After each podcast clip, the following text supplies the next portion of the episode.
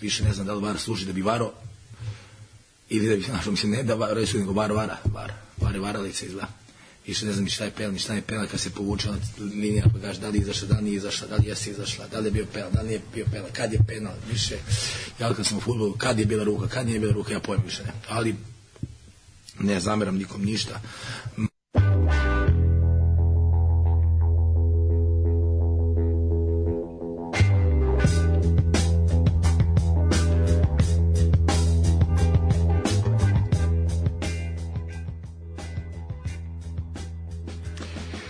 Var, var, var, varalica. Dobro večer i dobrodošli. 129. sportski pozdrav. Evo, ponedeljak je ponedeljak je veče, nešto malo kasnije, kao što smo i najavili, ali kasnije, evo, upravo zbog ovoga, kao što se čulo u pozadini, ovaj, upravo zato što se danas igra o, velika većina utakmica, a on koji ćemo pratiti uživo ovaj dok budemo pričali o svemu što se dešavalo je utakmica između Partizana i Novog Pazara na praznom stadionu u Humskoj ulici, a Partizan vodi evo već u trećem minutu golom nakon kornera. Zlatan Šehović je, je bio, bio strelac tako da eto Partizan je otvorio na najbolji mogući način tu svoju poteru i taj neki nastavio taj neki san ka ka tom nekom mestu mestu ovaj više na tabeli. Ali dobro više o tome kasnije. Uh, dobro veče Nikola. Uh, vratio se Nikola posle ovaj plivanja ovaj u prošloj prošloj ovaj epizodi. Janko nažalost nije ovde na želju svih ovaj slušalaca i našu ali biće nadam se u narednoj ovaj epizodi ali je trenutno uživa nekom salašu. Lagano se živi znaš sve sve ovaj. Dobro večer. Stanislave, izra, moram da izrazim žal što Janko nije tu nikako da se sastavimo nas dvojica, a mislim da bi bilo zanimljivo da se sastavimo. Apsolutno. A ovo kako si izgovorio, ovo i Lali ti ovo var, vara, varalica, nekako mi je, zvuči kao hit neke cakane ili neke tako narodne folk pevačice.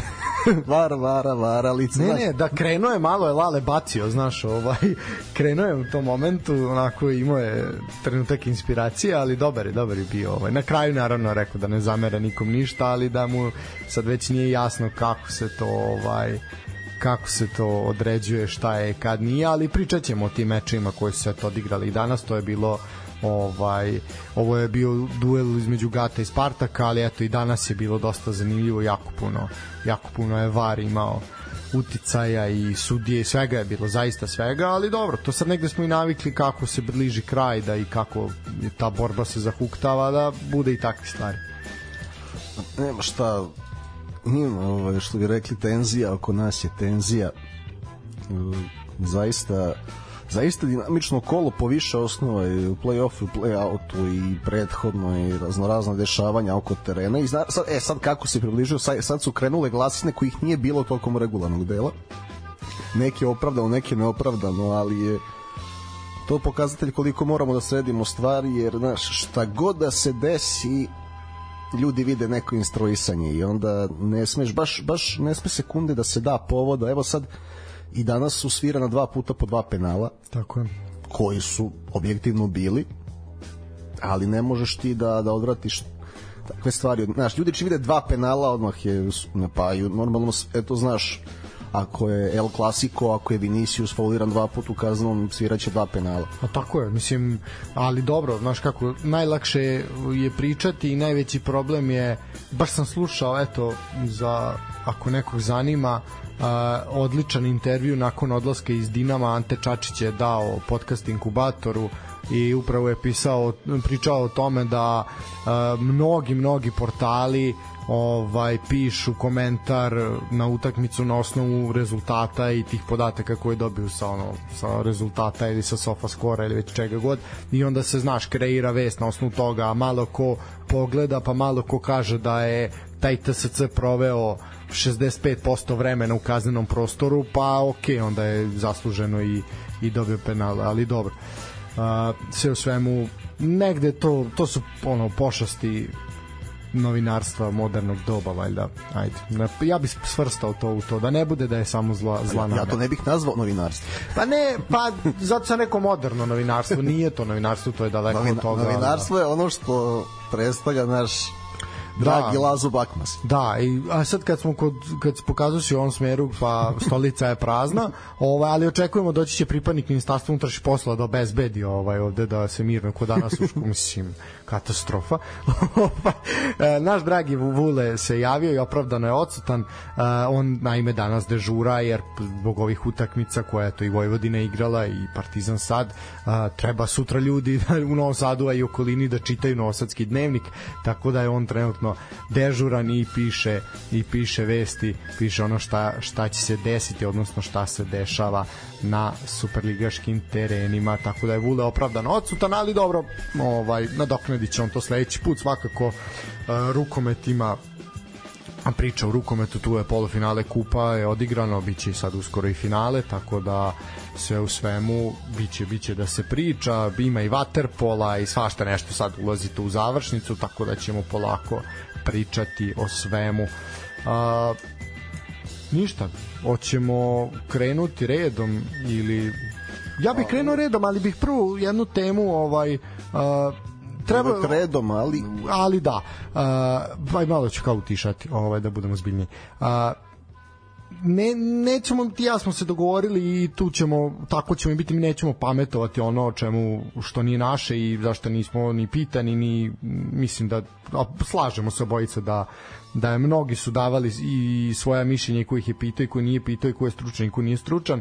A, mi ćemo prokomentarisati ovo sa naše tačke gledišta, odnosno sa ono što je mene lično do, onako pogodilo, a verujem i tebe, a to je a, ta, ti dušebrižnici koji su se javili ovaj pošto je jel uoči tog nesrećnog događaja koji je zaista potresao ne samo našu državu i glavni grad nego ispostavilo se ceo region i zaista onako i ti momenti u Zagrebu i u Crnoj Gori i u Bosni mislim zaista je to sve onako stali smo svi za trenutak je sad samo to što smo stali za trenutak da li će biti od neke koristi ili ne, to će vreme pokazati. Elem, e, javili su se dušebrižnici koji, kad ih pogledaš, vjerojatno loptu nikad nisu ono šutnuli u životu ili mačku s praga, kako se to obično kaže, i ono što je mene zabolelo, a da ću ti ja reći svakako, odmah su poleteli da traže odlaganje utakmica, odlaganje kup utakmica koje su se igrale taj dan, odlaganje kup utakmica koje su se igrale narednih dana, uopšte ligu za vikend, između ostalog najzvučnija, najzvučnije sportsko dešavanje prošle nedelje u našoj državi bile utakmice među Partizana i Reala u Beogradskoj areni. Odmah se poletelo... E, to ću komentar, iako nije košarkaška emisija Naravno, po prirodi. ovaj, imaš pravo. Ovaj, nego naš, teo sam kažem, to, to su ljudi su jako, jako poleteli, jako mnogo je tu bilo ovaj, kritika i komentara i sve, međutim, zakon je vrlo jasan i vrlo jasno govori kako se to obeležava i kako se radi i klubovi su svi zaista pa čak i organizovane grupe navijača su su bile vrlo vrlo ovaj korektni i svi su to ispoštovali onako kako treba jednostavno bez ikakvih zamerki pohvale svima ovaj koji su svim navijačima, svim klubovima, svi su zaista lepo to onako ispratili, onako kako dostojno, dostojanstveno, bez nekih kukanja i plakanja za razliku od ekipe sa Twittera i portala koje su ono tražili po komentarima ono ajde ajde za zapalimo Beogradsku arenu sad zato što je dan žalosti. Ali dobro. Uh, eto to to je ono što sam rekao što je bilo moje, znači drago mi je da se nije podlilo pod takvim pritiscima i da se to sve odigralo, ok, jeste bila sumorna atmosfera, ali zakon je jasan i, i tu nema tu nema dalje polemike što se tiče tih odlaganja. A sad ako želiš ti da kažeš nešto drugo, to imaš. Evo baš košarkaška utakmica koju si spomenuo. Da. I sad pazi šta se dešava? Dešava se to pod tim pritiskom da navijači odluče da ćute celo polovreme prva četvrtina 12 razlike za Real Madrid. Na kraju se ostale tri četvrtine Partizan dobio ukupno 7 razlike, nije bilo dovoljno, ali hoću da kažem da uh, sad, na primjer, da je stao uh, platni promet, znači da ne rade ljudi na šalterima u pošti i u bankama, menjačnicama, zbog dana žalosti, onda bi bilo uh, Lenčuge neće da rade svoj posao. Kada sportisti ili sportski komentatori treba da obavljaju svoj posao, onda stanite. Znači, ljudi, svako mora od nečeg da živi kao što vi živite. i što ti kažeš, zakon je tu potpuno jasan. Sad, kome se ne sviđa, ja pozdravljam da izađe. Ima mnogo zakona koji, jel, ne valjaju, mnogo gorih zakona. Apsolutno, imate olovku jednom I onda, koliko godina, pa glasajte. Evo, izađi, pa, pro, kako, bilo šta. Apsolutno, ne, ali ne, ne sporim, iz, da. Iz fotelje. I onda Željko Obradović ne može da priča o takmici, nego on mora da objašnjava raspored Reala u ACB ligi i naredne sedmice Euro ligu i zašto utakmica ne može da se odlaže umesto da se čovjek bavi taktikom da objasni zašto, ne znam, kako nije branio Tavaresa ili je branio i ostalo, ne, sad Željko Obradović još mora da objašnjava i to zašto on mora da igra tu utakmicu. I ako videlo se da je čoveku neprijatno, ljudi znam sve sa osjećam, ali razumite i vi mene. Isto tako, sad ovi sablasni prenosi na sportskim televizijama. Jezivo, to je toliko strašno. Ljudi ne mogu da rade posao, onda bolje pustiti samo i te toni, neka, neka se čuje ono, sve razumijem da komentatori ne rade. Ako ljudi moraju da šapuću, ja ne znam, ne vidim pojentu toga.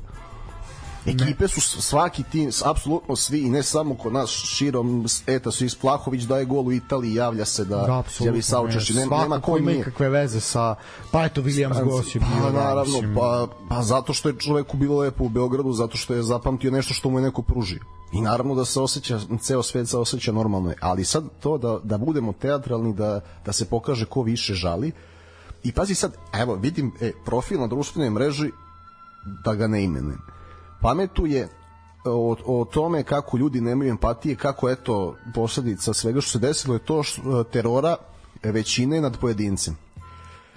Odeš mu na tweet ispod, on na tweetove ispod čovjek po ceo dan da bi dobio lajkove vređa Harry Maguirea. Znači ti iz Srbije se baviš, utapaš su masu koja vređa Harry Maguirea za lajk, a onda pričaš o nekoj empatiji. Tako da nije, svi pa da. podležu tome Mislim da. I onda, razumeš, ne, ne, ne vredi da. Tako da samo je poruka ljudi, znači, zašto je važna, empatija važna, vodite računa ome pored, i ako se sa nekim ne slažete, bolje ga ignorišite nego da da reagujete na neki drugi način bilo kakvim tererom, jer nikad ne znamo šta kod nekog to može da proizvede, koliko je neko duboko emotivan, kako se nosi sa tim i ovaj, strpljen spašan. Ma da, mislim, pogotovo ono kad vidim da Mirko Poledica, eto ti njega ću imenovati. Kaj je Mirko Poledica, šta priš, piše i priča, ne, apsolutno sam onda ne za odigravanje, nego za karnevalsku atmosferu, ne, mislim. Ne, meni je žao što je kanal Kopernikus ukinut, samo da pustim epizodu KCN Sporta 114 i uvodu Mirku Poledici, jedno 15 minuta. Pa ne, znači, mislim... Kad je Dejan Ančus u pravu, onda znaš koliko je neko tužan. Pa da, ono, znaš, kao Mirko Polejica, stvarno ta tužna kreatura ovaj, koja priča o streljaštvu i streljani koja je problem, ali gospodine Poledica, pritom sam vas počastio sa ovo gospodine, ovaj, pa ne mislim, pa deca u tom uzrastu ono treniraju streljaštvo i streličarstvo i mislim, pogotovo je streljaštvo sport u kom je pa, ono par imamo... Godina, par godina starija deca se bore za olimpijske medalje, tako A, gle čuda, streljaštvo, ono mi nama jedan od ono, kako bih rekao, još trofejnih sportova, tako da, mislim, to, to su gluposti, ajde nemojmo, sa, to... samo pokušajmo da budemo dostojanstveni, zaista svim žrtvama slava, svim onima koji su upoznavali, bili tu saučešće, tu, tu ne, to, to se ne spori, da ne ispadne sad da nama... Da, ti da, znaš bojica kako smo se osjećali. Apsolutno, da. i koliko iskreno i, i tuge, a i besa, a boga mi više besa nego tuge. A više ovaj... besa, zato, zato što ti ja koliko se znamo, e, te stvari i probleme i uzroke o tome ti ja pričamo kad smo mi imali 13-14 godina i kako se ovde živi i šta se radi. E, šta se promenilo od ovog ne dođe? Pa ništa. Promenilo se samo na gore. Pa što kažeš šta će se promeniti? Pa ništa. To što se Branko Ružić promenio, to, to je ništa. Pa eto, tam, taman sad kad je podneo ostavku može možda ponovo da se vrati u futbolski klub Partizan. Verujem, ja evo o tome sam danas razmišljao čitav dan. Znači, želudac me boli zbog toga evo ga nazad, mislim da mora biti negde uhlebljen ono, mislim. Tako da... Pa i neki drugi uhleb će opet doći na to mesto prosveti. Pa koliko on promenio za, za 8 godina 4 ili 5 ministarstava beše? Da, ali bi dobro bio ne bez portfelja i ono, ali opet je to ministarstvo i to se računa da pa bio ne, je, da. Liči da bi neko da ga skloni pa mu neko javi da mu promeni funkciju. Pa da, mislim, pritom naš jedno takmičenje, pored toga što smo imali takmičenje ligaška i kup takmičenja u sportovima, bilo je takmičenje ko više ko je više ožalošćen, a, čije dete je bilo na spisku, a zapravo nije bilo. Ovaj ne, ne, tih momenata, to, to je tako Ne, strašno. ta, da ta, to- ta, znaš, sa- znaš, Jako ono, od- ta trka da, da ja objavim story, da ja objavim tweet, da ja, ovo- ja ono, mislim, ja ne znam, znaš, ono, šta, šta moja objava menja. Nemam ništa pametno da kažem, tugujem, nego ajde samo da, da se vidi da sam i ja tu. Pa to je to, znaš, kao eto, da i ja dobijem na, na Znaš, nešto. to, to, to ti isto kad je i pozitivan kontekst. Ako, Isto ako, je, ako nisi slikao da. da. si bio u kafani, onda se ne zove da si bio u kafani. Pa to je to, da, tako je, apsolutno. Pa, Nažalost, eh, ne postoji neka barijera između mozga i, i prstiju koji tipkaju na, na po telefonu jednostavno to je ili tastaturi tako da nažalost to je tako ali eto nećemo dalje dalje o tome Nema šta. nema šta Moja poruka uvek i svakome kad vidite da je neko samo zastani tužan, pomo A ovo da. I, pri, I pričajte jedni s drugima i družite se. Mislim, u bilo kada, u bilo kom uzrastu. To je, znači, kad vidiš, znaš, da je čoveku teško, nemoj da ga guraš u rupu, nego mu dodaj ruku. pa nažalost mi imamo tu tendenciju da šutnemo nekoga žiže kad je u kanalu, ali dobro, to sad već ovaj Tako da možemo ka futbalu, ovo je i dalje 1-0. jeste 1-0 i dalje, Partizan tu dominira, ali ja verujem da će ovo ovaj Aha, malo ćemo pojačati, evo, stižu poruke, da malo pojačamo, evo, sad smo se vratili. Ovo je bilo kad je ozbiljni, naš ozbiljni ton, mi malo onda malo spustimo. Ovaj, e, da, mislim, eto, baš tog dana istog, to se dešavalo u jutarnjim časovima, a u e, nekim poslepodnevnim časovima je odigrana prva utakmica Kupa Srbije između Napretka i Crvene zvezde u Kruševcu nije bilo organizovanog navijanja i dosta je to pusto sve u tako u tom nekom dosta je to prošlo sve ispod radara Uh, utakmica 0-0 videlo se da onako u toj nekoj atmosferi da su svi tu nešto bili potrešeni i da jednostavno Pa prvo potrešeni što se to desilo Da. i onda e, taj pritisak što igrate da da, da. do, dovodi do utakmice bez golova. apsolutno. Uh, Crvena zvezda jeste prošla dalje, kažem 0-0, nakon regularnog dela, kasnije 4-2 u penalima. Tu treba pohvaliti Mirjan, Milana Borjana, koja eto, baš smo mi u prošloj epizodi, Janko i ja smo pričali o tome kako je Borjan zreo za penziju ako Zvezda misli nešto ozbiljno u Ligi šampiona, a eto nas je demantovao ovaj dobrim dobrim ovaj čitanjem na sa osnovne linije, sa gol linije skinuo je dva penala, čovek zaista zaista svaka svaka čast. I tu sad su odmah su spomenuli njegovu seriju penala, eto koju smo malo i zaboravili koja je krenula odbranjenih od još od Kopenhagena i onog onog serije pa nadalje.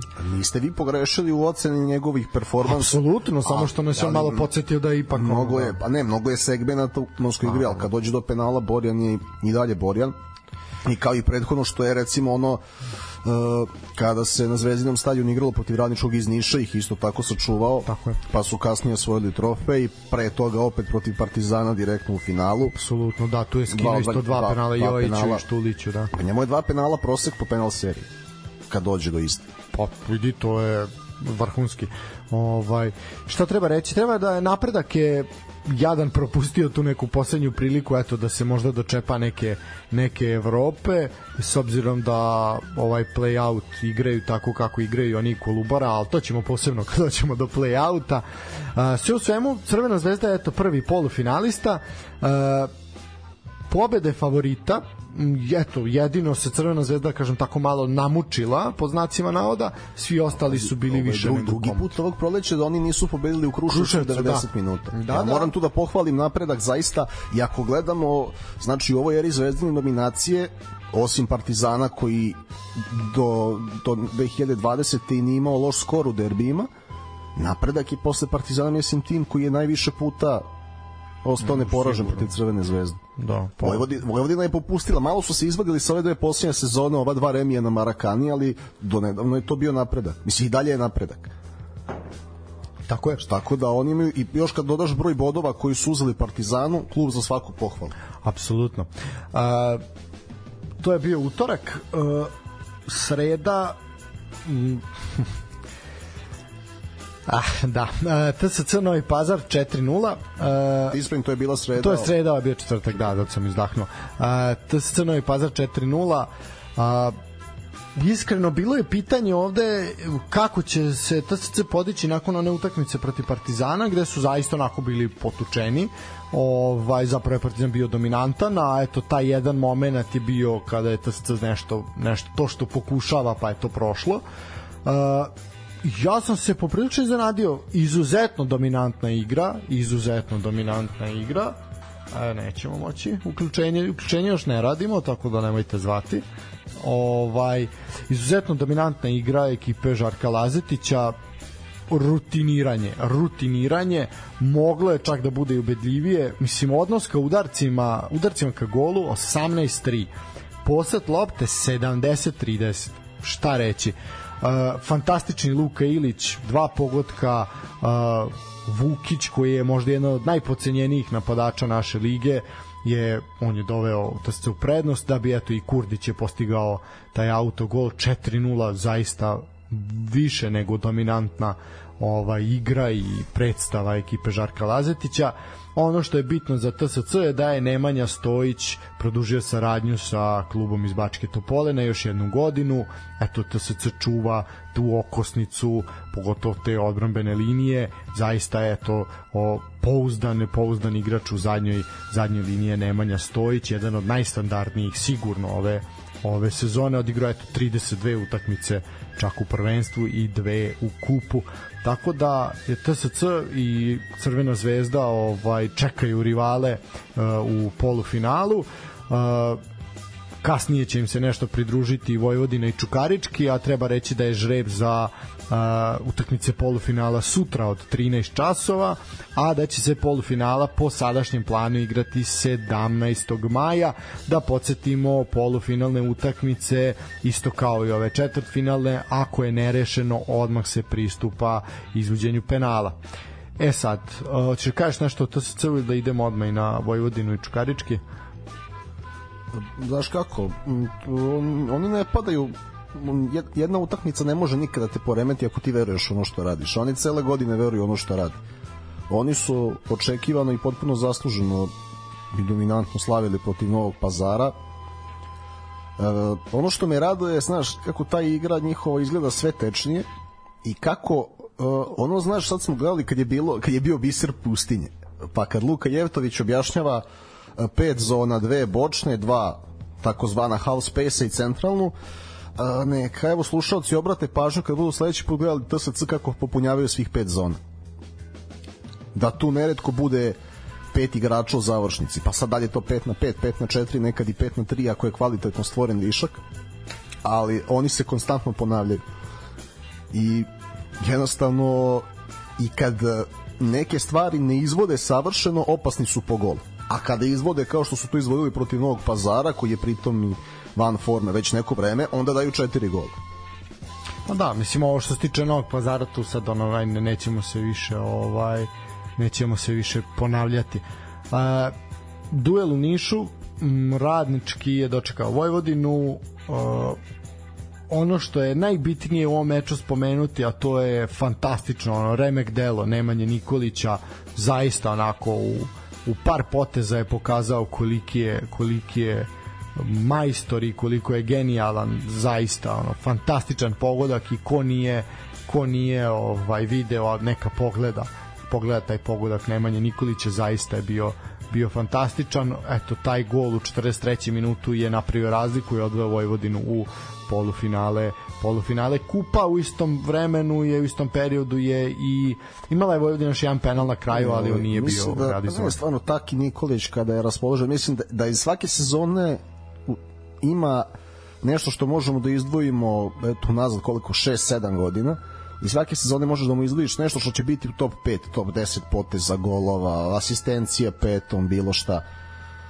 Tako da ta, takve devetke želimo da gledamo na našim terenima, ali bi on sam malo češće mogao da bude na nivou, pošto u posljednje vreme to baš i nije slučaj. Ok, povrede su sastavni deo sporta i za to imamo razumevanja ali eto, nema šta, služen prolazi Vojvodina i eto, njima je ovo prilika ako žele da igraju eventualno, da krenu kvalifikacije iz Lige Evrope, Da, sad za fokus, da se najbitniji im je kup do kraja sezone kad pogledaš, jer Jer više Novi Pazar ne može da ih stigne. Tako je, ali sa druge strane imaju ubedljivo najteži raspored ovaj do kraja što se tiče tih play, play-off ekipa koje se bore za nešto, najteži raspored do kraja. Baš zato ovamo imaju dve utakmice da probaju, posebno ako ne izvuku zvezdu u polufinalu i eto. Da, a, kažem, eto, Vojvodina je još imala i penal na samom kraju, ali je Vukčević to promašio. A, e sad, što se tiče e, druge utakmice koja se paralelno igrala u tom periodu u Surdulici, radnik je dočekao Čukarički, A, mora se priznati da je u Surdulici bilo nešto neizvesnije nego u Nišu. Radnik je pružio otpor, a, imao i neke svoje šanse, ali Čukarički zaista zasluženo golom a, Šunkice Đorđe Ivanovića u 14. minutu prolazi, prolazi dalje. A, bilo je tu, čini mi se, neke prečke, nešto se treslo se, ali na kraju i Čukarički imao i dosta, dosta šansi isto možda da po, poveća ta, tu prednost, ali eto, na kraju samo samo 1-0 tako da favoriti favoriti ovaj su prošli dalje čekamo sutra žreb pa da vidimo šta nas čeka. U svakom slučaju trebali bi da imamo dve fantastične utakmice, odnosno i treću tu finalnu, tako da eto, ovaj svakako se radujemo i biće biće zanimljivo posmatrati samu završnicu kup takmičenja. E sad, možemo na playout, A možemo odmah na Lalata, mislim to odmah prvo, mislim to je bila prva utakmica koja se odigrala. Zaista jako bitna i za Spartak i za mladost. Bilo je jako puno borbe, puno duela.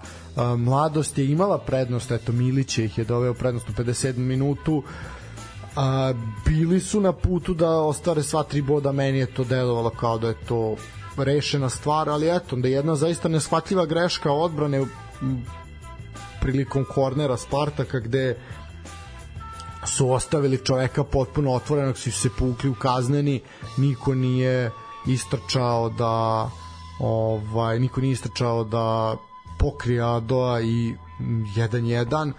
E sad uh, šta reći, Gatu bilo je jako potrebno Spartaku takođe, ali Gat je definitivno u najtežoj poziciji od svih što se tiče bodova, sad igra mi ne toliko, ali što to se smo tiče i rekli bodova. pre početka play-outa, oni su jednostavno zakasnili, a opet nisu nisu se izdegli na prolećan način na koji se izdigao radnik, iako se to činilo nakon pobede nad Partizanom da je moguće. Ispostavilo se ipak da neki nedostatak kontinuiteta u svemu što se radi ništa dobro nije doneo Gato. A pazi, oni su poginuli ponovo, oni, e, ono što smo pričali, njihov vojni moment je fantastičan i još su i podigli nivo oduzetih lopti, broj stvorenih šansi, ali oni, oni su jako teško tim koji će da ti da dva gola i onda ne možeš da očekuješ da će stalno da se čuvaju mrežu. Da. Ili kad uspeju odigraju 0-0, eventualno nekad 1-0 i desi se eto takav tip greške ono što je rekao Lalat na konferenciji, oni jesu od mogućih 12 bodova, uzeli su 8, uh, ne daju mnogo golova, ali ne primaju mnogo golova, tako ali da... opet, obe pobede su 1-0. Oni ne mogu, znači, verovatno je koliko problema imaju da daju drugi gol. Ako to reše nekako, možda i opstanu. Ali zaista nezavidan položaj, Spartak je nije odigrao ovako u smislu kvaliteta igre. Ne znam Ali kakvu utakmicu, ali da, nije, nije ni Spartak Spartak je zakasnio sa borbenošću da su bili ovako borbeni od starta možda ne bi bili tu gde su? Sigurno, sigurno, sigurno da, da, da su krv ali pokazali veliki, ranije. veliki korak ka opstanku. Da li kroz baraž ili direktno veliki korak kao sa, sa golom Edmond Dada baš, baš veliki. Ne, stvarno ne vidim kako Spartak može sada da ostane dole. Morali bi da pogube sve a i iskreno ne vidim taj scenarij. A, e sad, uh, ali opet veliki, veliki upitnik je nad Spartakom tokom leta. Znači, apsolutni underperformance i oni moraju da se konsoliduju na leto sa trenerom, pojačanima, prelaznim rokom, načinom igre, kontinuitet, vojnim moment, apsolutno svim. Terenom. sve, sve, totalno klub je u totalnom rasulu. E sad, suđenje i na ovoj utakmici iako je zaista bila onako delikatna situacija je bila onako bilo je svega i ta Lalatova izjava vezana za VAR ovaj i onako baš uh, baš je VAR radio bez prestanka ono dva crvena, dva gola na kraju eto po bod su dobili jedni i drugi ali zaista je puno puno ovaj uh, puno onako i Šimura je dobio u 89. ovaj minutu karton pa je Bugarin dobio u 95 zaista je tu bilo bilo svega. Bila je ta priča da li je bio penal nije bio penal da li je srušen u 11 u 11 metara nije slušen e, bože u kaznenom da li nije da li jeste. Svega sve, zaista je svega bilo onako jedna drama dugo se i gleda ovari sve ali na kraju eto na kraju svima po bod da da li su ko je zadovoljniji Spartak svakako više ali Gat ima tri kola pa šta urade? Da li mogu da se dovuku do tog baraža, vidjet ćemo. A, ništa, ajde, idemo na, idemo na pesmu ili dve, pa se vraćamo. Da čujem dok sam ja direktor u Partizanu. Ja garantujem za ovog dečka. Pa nema offside-a, čekao Žegović loptu na levoj strani je Pantić, sam je Pantić u Žegović i gol!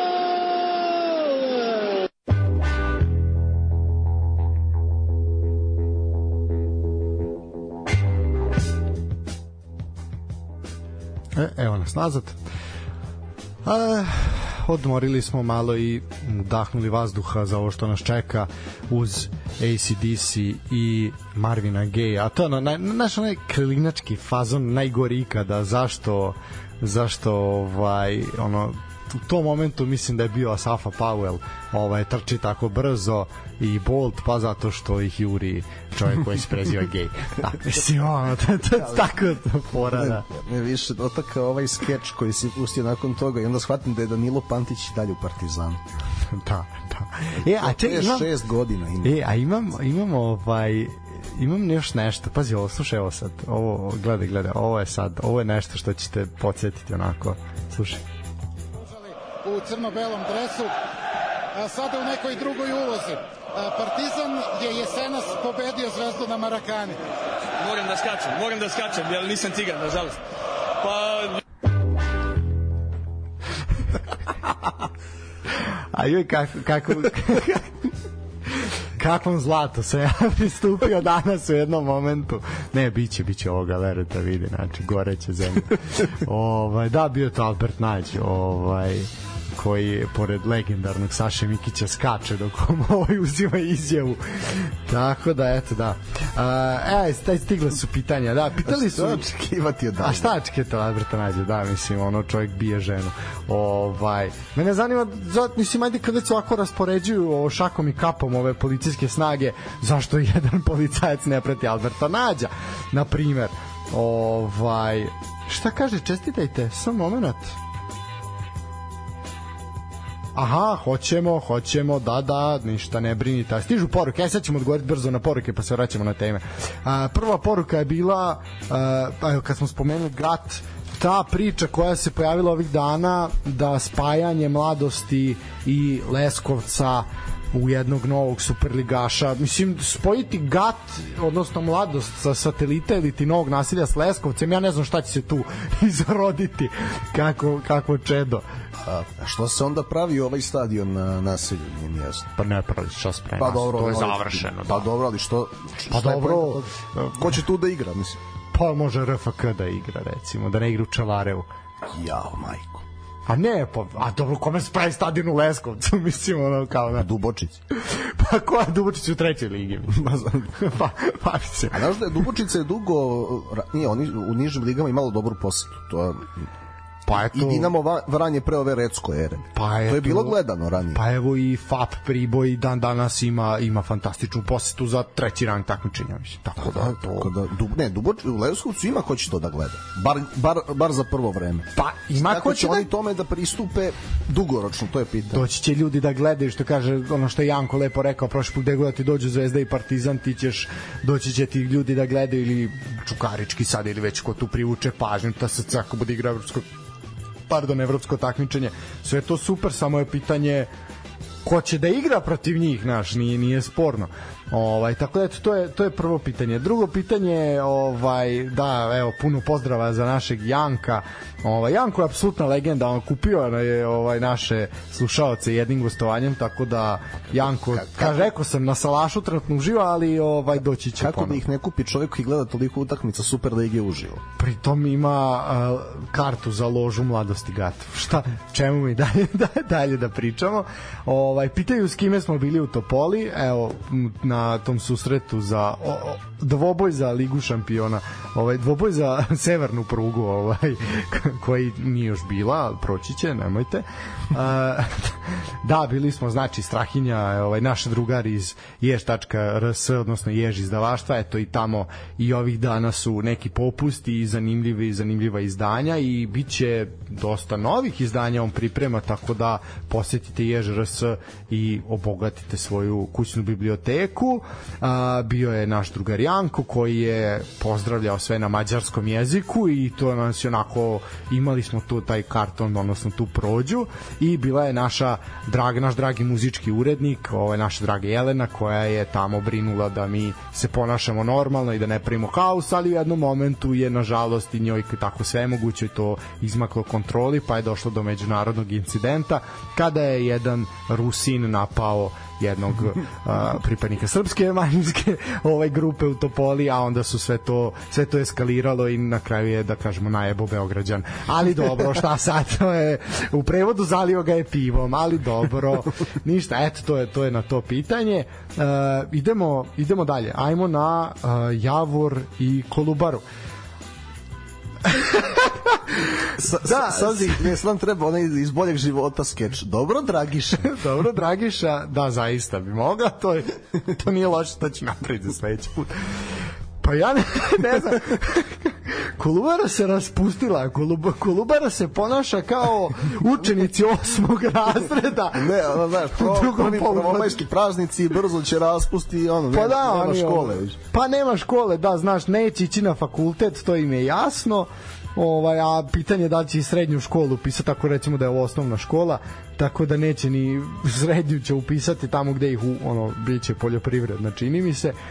Tako da nema šta, Kolubar nije prešlo pola, mislim, strašno, je ovo četvrti poraz ovaj Kolubare u isto toliko mečeva, bez datog gola, neki bi rekli bez pokušaja za gol, odlična utakmica Normana Kembela, čovek koji je i tokom prethodnih utakmica Javor zaista pokazivao razliku i trudio se i onako falilo mu je malo, ali evo ovaj put je momak sa Jamajke bio dvostruki strelac, na asistencije Gojkovića i Ibrahima Tanka.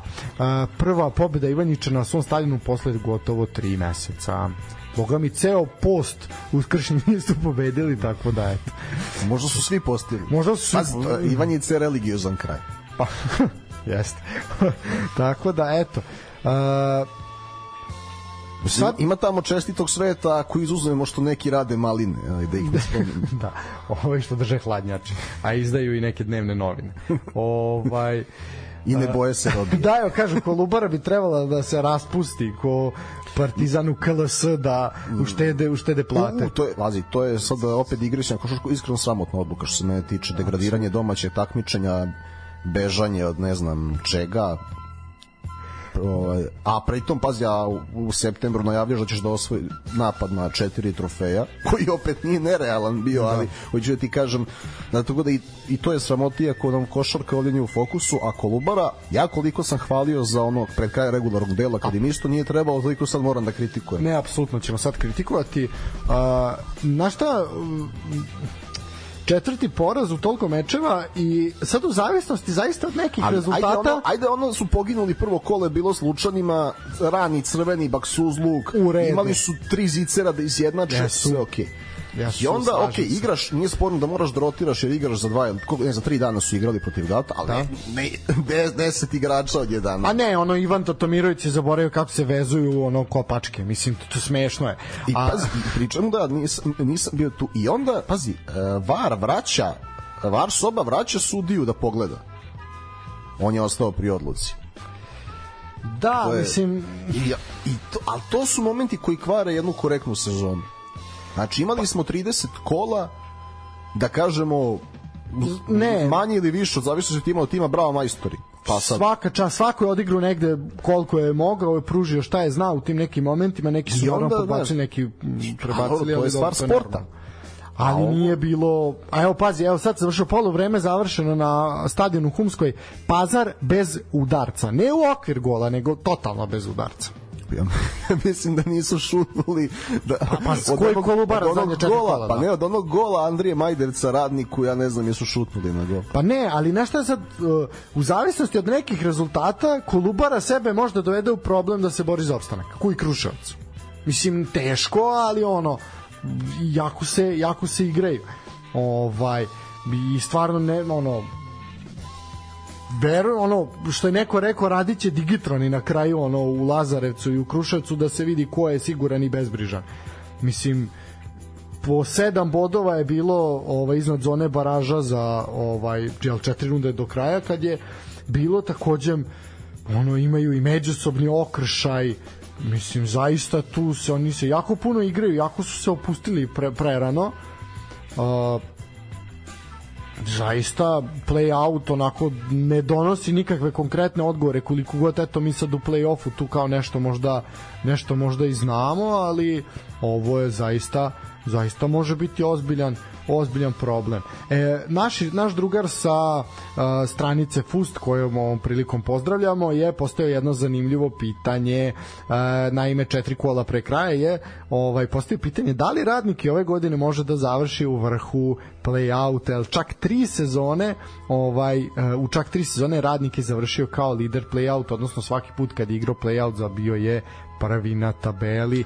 Tako da eto to je to je to zanimljivo uh, oni su samo dva puta bili u gornjem delu tabele, tako da eto i to je to je nešto se može pribeležiti. Uh, ono gde se ja slažem sa našim drugarom, a to je da uh, radnik zaista onako ima jedan i od boljih timova u play-outu i nekako to deluje najkompaktnije moguće. Oro, čovek koji je tamo postizao je se vratio pa se vratio još jedan na teren iako ne briljira, ali otvara mnogo prostora Andri Radulović i eto, ali ono, znaš kako je, ti znaš koliko sam se ja čudio na jesen, prvo što znam situaciju iznutra i posvećenost bar nekih ljudi u radniku terenu, koji imaju, znači, treneri se menjaju, ali postoji deo anonimnih ljudi posvećenih tome i stvarno sam se čudio da su poslednji. Ali isto tako nisam iznenađen na ovom proleću. I ja verujem da, znači, da radnik prvo što mi sad već ja sam prognozirao da će da budu u baražu. Sada zbog nekih drugih opuštanja i dešavanja mi liči da će da budu od 9. do 12. mesta negde o, po trenutnoj formi. Ali mislim da ne mogu ispod 14. i da onda kogod tamo bude grafičar jedinstvo ili ostalo da radnik to u dve utakmice dobija bez problema. Ali moram da stvarno da istaknem Andriju Radolović. Ovo znači sada je počeo da daje golove i desnom nogom tako što pretrči ne znam 50 metara. Ovo, Tako je, e, ovo sad- je stvarno, pa pre toga ono kako je skinuo paučinu u svom stilu. Znači, sada toliko, ovaj, toliko se lepo razvija O, sad je samo kaže samo da mora na leto da da pogodi naredni klub. Da li će da ga šalju na novu pozemicu, da li će da ga ostave na pozemici u radniku ili da ga puste da igra u rotaciji. Ja ne vidim šta šta će Prucev recimo doneti što Andrija neće. Ali ovo leto mu je esencijalno za dalji razvoj karijere. Odlična sezona. E sad, uh, sve ovo što si rekao stoji, a ovo što se tiče Kolubare i napretka, to sad se mora malo prodiskutovati. Uh, samo jednu stvar da nađem. Dobro. Uh, ok, evo ovako.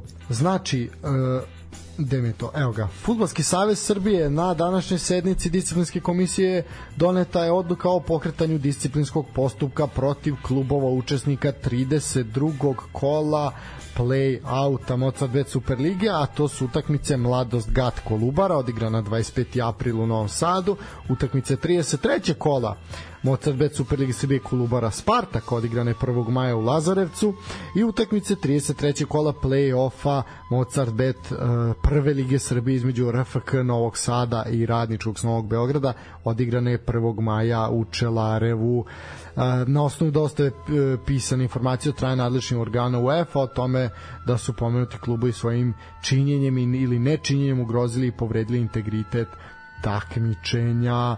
E sad, uh, vidjet ćemo, postupci su pokrenuti, je sad odluka bi morala da bude doneta vrlo brzo zbog regularnosti finiša oba takmičenja i play-offa i play-outa, pošto su preostala samo tri kola do kraja. E sad, uh, ono o čemu smo mi pričali do tog nekog 30. kola zaista je to sve izgledalo fino, pa čak i to prvo kolo ovaj do igravanja da. i onda ta čudna utakmica u Novom Sadu gde je zapravo sve krenulo pa, ovaj. Pa onda su krenule priče i za play-off i za play-off. Ona na svakom ćošku, pošto znaju ljudi koji ne znaju da se bavimo ovime, eto, a koga ti hvališ, šta ti hvališ, da, što ti to da. gledaš da. i onda ja, ja, eto šta mi radiš Dragiša i, i Lale i ostali. Ja sad opet moram da slušam mediokritetstvo ja vas branim, vi mi tako vraćate.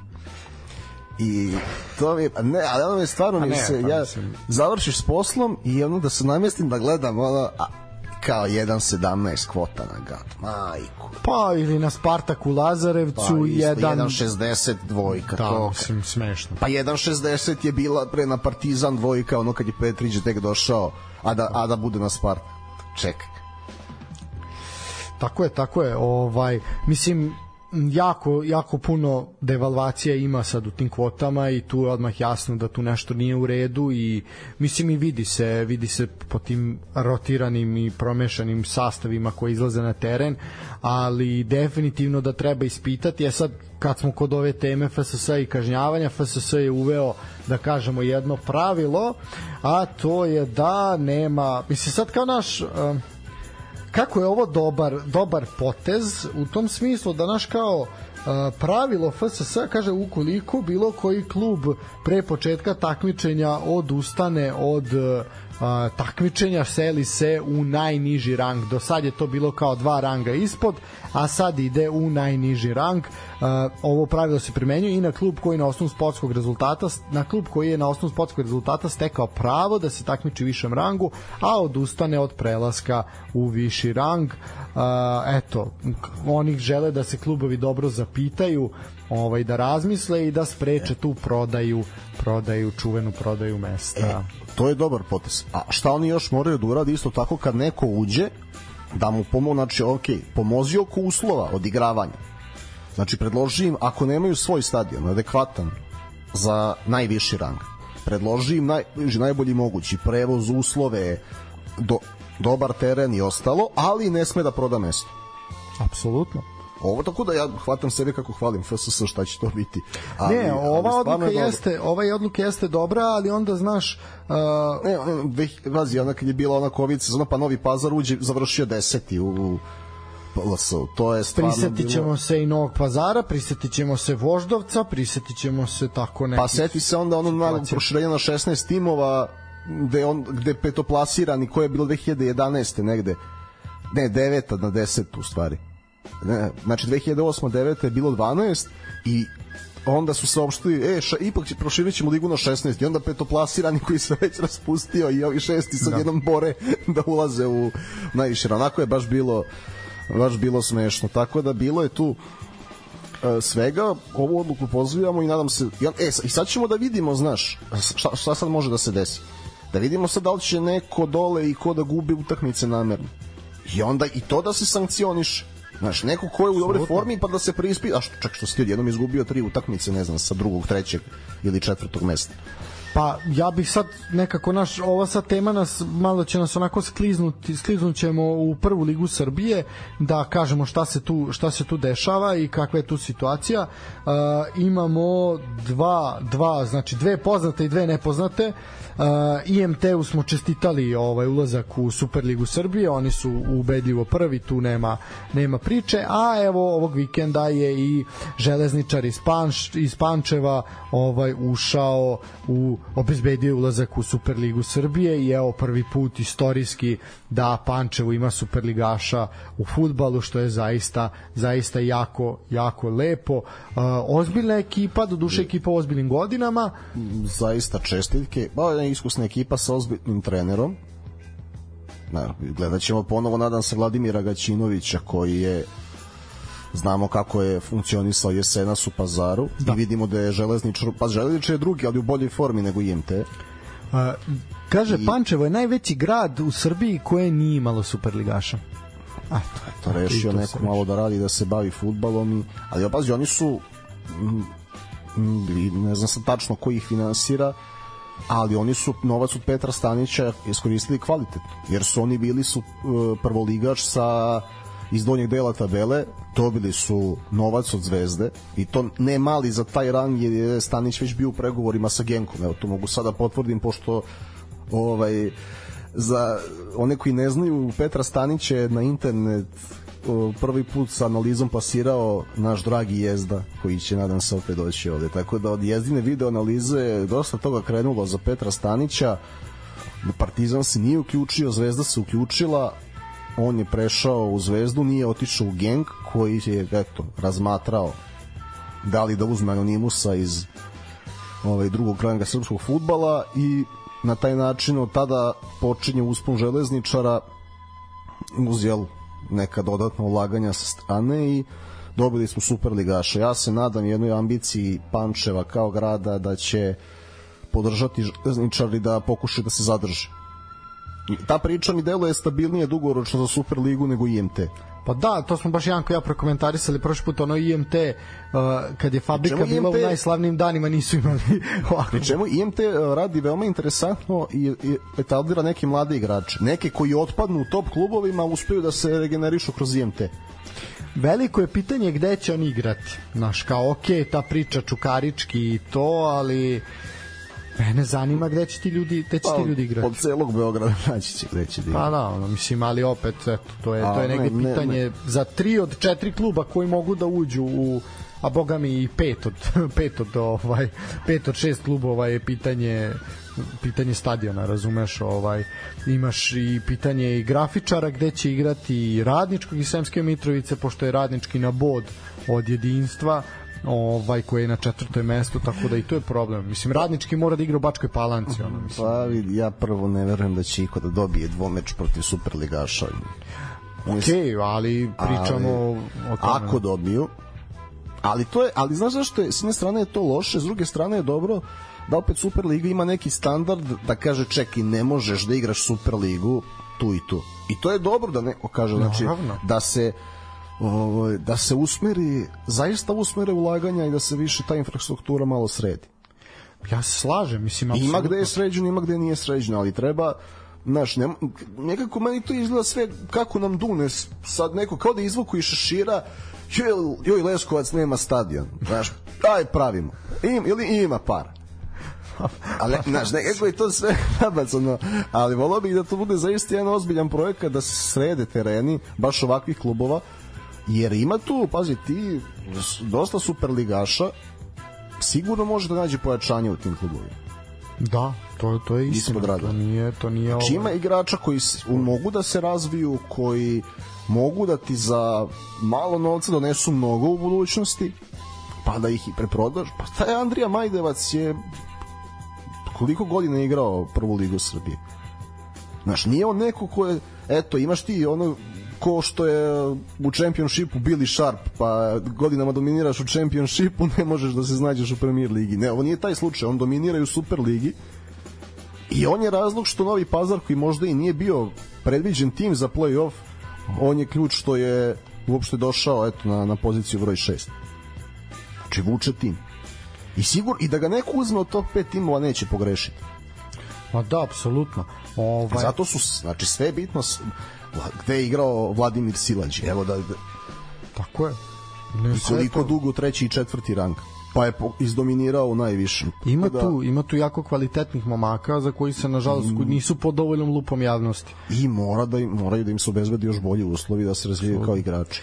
E sad, pitanje je, rekli smo dve poznate, dve nepoznate, grafičar je treći sa 54 boda, a, jedinstvo je četvrto sa 50 e sad peti je radnički, znači treći i četvrto mesto vode u baraž, peti je radnički sa 49, a šesti i sedmi se spomenut ćemo, ajde RFK sa 47, El Novi Sad i Indija isto sa 47.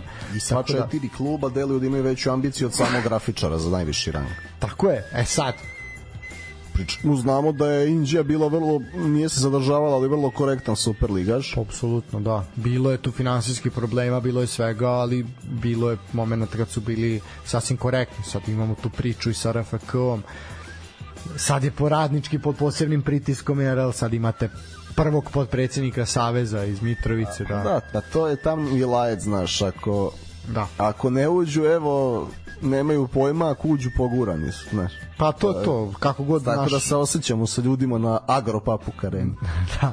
Ova, e sad, ajde već kad smo, kad smo kod toga i kad smo kod prve lige, ono što treba spomenuti, a to je to čestitam svim ljudima koji slave, Rad je prvi put nakon 50 godina ispao iz profesionalnih liga i ovaj takmičenje će naredne sezone nastaviti u trećem rangu, tako da eto svima čestitke kome slave, ovima koji tugujemo, koji tuguju, šta da žao nam je, ali eto negde iskreno da vam bude meni baš i nije žao. Eto to što imam da kažem. Apsolutno, mi nije žao kad se mm, Ovo, ali to je tužno, recimo radi neko ko je napravio opet jako mnogo da, radi napravio, da baza igrača ispod radara da se znaš, e, bazu fizički spremnih igrača samo što je recimo ono što je rad zamislio nekad Čukarički je to digao na viši nivo. Znači Apsolutno, sačekaš, apsolutno. sačekaš ko će da otpadne u nekoj selekciji do neke 15. 16. u Zvezdi i Partizanu, pokupiš, pokušaš da oblikuješ, da doradiš, e, nađeš trenere, onako to su obično pa Marko Nikolić je najbolji primjer, onako beogradski asfaltski mangup i ovaj, na taj način ti klubovi funkcionišu. Čukarički je to mnogo više nivo, a rad, i pazi, rad i dalje ima neke dobrih stvari u mlađim kategorijama ali ono, na taj način funkcionisanje prvog tima, navijači i ono, se, sećamo se suza Evertona Luiza i nije to jedini primer. Zaista nepotrebno i te stvari dok ne srede nisu ni potrebne. A naravno da svim mlađim kategorijama u Srbiji želimo da stvore što više reprezentativaca. Apsolutno. Uh, e sad idemo na pošto eto danas Superliga se opet protegla ovaj od ono ko pita do sudnjega dana. Danas odigrane ovaj utakmice play play-offa ovaj pa ćemo malo malo pričati pričati o njima. Evo prva prva u nizu koja je odigrana je od 16 časova jedna fantastična utakmica u Kragujevcu. Dve ekipe koje igraju fudbal zaista je bilo uživanje gledati. Radnički iz Kragujevca dočekao TSC 4-1 je bilo za ekipu iz Bačke Topole priča oko suđenja se pokrenula eto već na toj na toj utakmici. Đakovac je prvo izveo 11 terac u 20. minutu gde je zaista odbrambeni igrač Kragujevca igrao rukom. Jako, jako loša reakcija. Najsličnije onome ko nije video najsličnije onome Aleksandar Miljković protiv Genka. E to je, to je recimo takav takav penal je bio da bi onda zaista Luka Milunović evo još jednim ovaj golom potvrdio u kakvoj formi se nalazi zaista majstorski onako iz najboljih dana ovaj partija koja je pružao na primjer u Crvenoj zvezdi je podsetio eto u tom 27. minutu i TSC se našao eto odmah na, na nazad na početku međutim imao je TSC još jedan a, penal gde je zaista onako Ratkov oboren međutim jedna jedno izvođenje penala ala Predrag Mijatović i zaista prečka onako je sevnula od strane Ifeta Đakovca koji se odmah uhvatio za glavu i legao na zemlju prosto je bio onako ni mogu da veruje šta, šta je uradio da bi u 43. minutu Josip Čalušić sjajno, nakon sjajnog centrašuta Kuvelića, čovjek tako dobro skočio i trzno se glavom, čovjek koji nije preterano visok, ali se sjajno oslobodio svog čuvara i postigao pogodak za 2-1. Petrović je dodao još jedan 3-1 i na kraju i sam Petar Ratkov u 87. minutu za ukupnih 4-1. Treći duel ovih rivala, treća pobjeda TSC, kojom eto ekipa iz Bačke Topole zaista mirnije dočekuje naredno kolo na drugom mestu tabele Superlige Srbije i nešto kasniji duel između Čukaričkog i Vojvodine. Šta što reći o radničkom i TSC-u? Interesantno prvo polovreme ali kao da radnički kasnije nije verovao da može do, do drugog gola pa su primili još dva mislim da su dobro odgovorili na nalet TSC-a nekako i kao da ih je razljutio taj prvi penal sjajan gol Luke Milunovića i onda umesto Apsolutno. da dobiješ dodatni adrenalin kad je već Đakovac promašio ovaj, mijatizovao ovaj, penal na taj način si, ovaj, ti si primio onda takav drugi gol pazi, iz, iz prekida i onako verovatnoća da se, znaš, takvo da uđe lopta nije baš velika i to je to sa radničkim ovi neki dobri dosta, umeju da se demorališu ako neke ideje, ne, znaš, jako veruju to što rade, ali ih de, demorališe ih ako, reci, znaš, kad prime tako neki gol koji nisu očekivali, oni su imali na jedan jedan momentu, možda i da povedu. Ali, eto, to je nešto na čemu moraju da rade za narednu sezonu. A opet, znaš kako, ako nastave ovako, ja ih i dogodine vidimo u play-offu. Apsolutno. Pre Novog pazara i pre Voždovca. Apsolutno. A, e sad, upravo smo rekli druga utakmica koja se odigrala na Banovom brdo, druga utakmica današnjeg dana je a, utakmica između Čukaričkog i Vojvodine.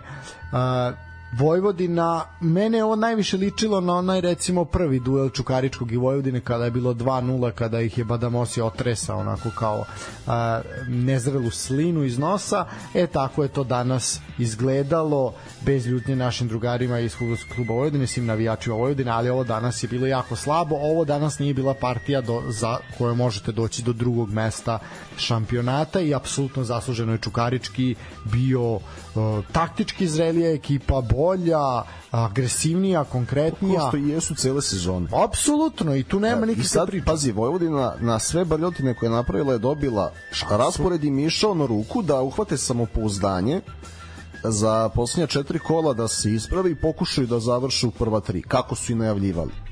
I na prvoj prepreci ti si ti pao. si pao, tako je, Docić je iz penala A, prvo, pritom, a, to nije, mi smo 1-0 stoji, ali je zaista moglo biti mnogo ubedljivije. Prvo je poništen e, pogodak Adžiću, jer je jer se bilo u ofsajdu, ovaj, opravdano poništen. Zatim je evo Docić iz tog penala u 30. minutu, znači to je sve prvo poluvreme, ovaj postigao pogodak da bi Čukarički imao još jedan 11 kasnije, tu je Carević odbranio. Čukarički imao još nekoliko odličnih prilika u 80. minutu i pa i pri samom kraju kada a, neverovatno kakva razlika kad uđe u Vusu kakav igrač sa niskim težištem, neverovatan dribling, neverovatna eksplozivnost, ovaj još nekoliko odličnih prilika gde je Carević zaista spasio sve. Carević, mislim kad ti je golman naj, najbolji igrač, tu je onda jasno jako puno grešaka. I Vitasa i Ljubisavljevića, ponovo su štoperi Vojvodine zakazali, eto štoperi su ih koštali te, na toj utakmici protiv Radničkog iz Kragujevca, tu je negde nekako naj, najslabija ekipa ekipa Vojvodine ove sezone imao je Veljko Simić neku šansu, polu šansu, ali nažalost bio je dosta sebičan, negde izgubio možda balans u posturi tela i nije dobro zahvatio tu loptu, ali neki viču da je možda mogao da uposli Malbašića, ali sve u svemu dosta, dosta slabo. Na kraju je Vojvodina duel završila sa igračem manje. Eto, u suštini uh, šta imamo ništa Vojvodina ovim ja mislim da završava priču o ovaj o drugom mestu i ono što smo rekli što Nikola lepo rekao nek se okrenu na kup i to je to ovo nek pruže dostojne partije ali mislim da je to to da ovim su ovim se ova trka svela na eto tri tri ekipe. Vojvodina je eto otpala u tom prvom kolu bez obzira što smo se mi radovali da što duže traje ta neizvesnost i ta i ta borba.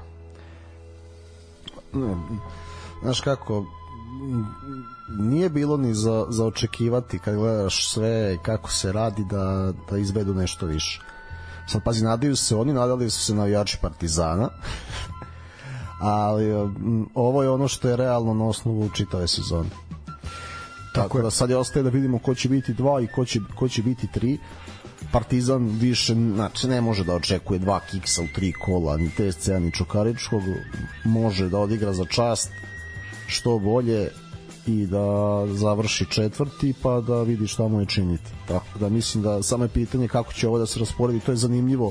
Biće zanimljivo eto gledati svaku utakmicu TSC i Čuke, ali su potpuno zasluženi jedni drugi tu gde su. S tim, pazi, ako mene pitaš iskreno, Znaš, prvo što, m, ona druga utakmica Čuka Partizan je baš 0-0 utakmica, ali to što je Stevanović uradio je skandal. Meni je, znaš, TSC izgubio dva puta od Partizana, ima više bodova u ostalim utakmicama, jednom su uzeli bodove i Crvenoj zvezdi, imaju neki kontinuitet igre i imaju bolji međusobni skor.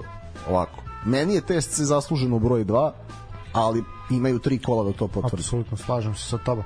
A, proći ćemo i to ko sa kim do kraja.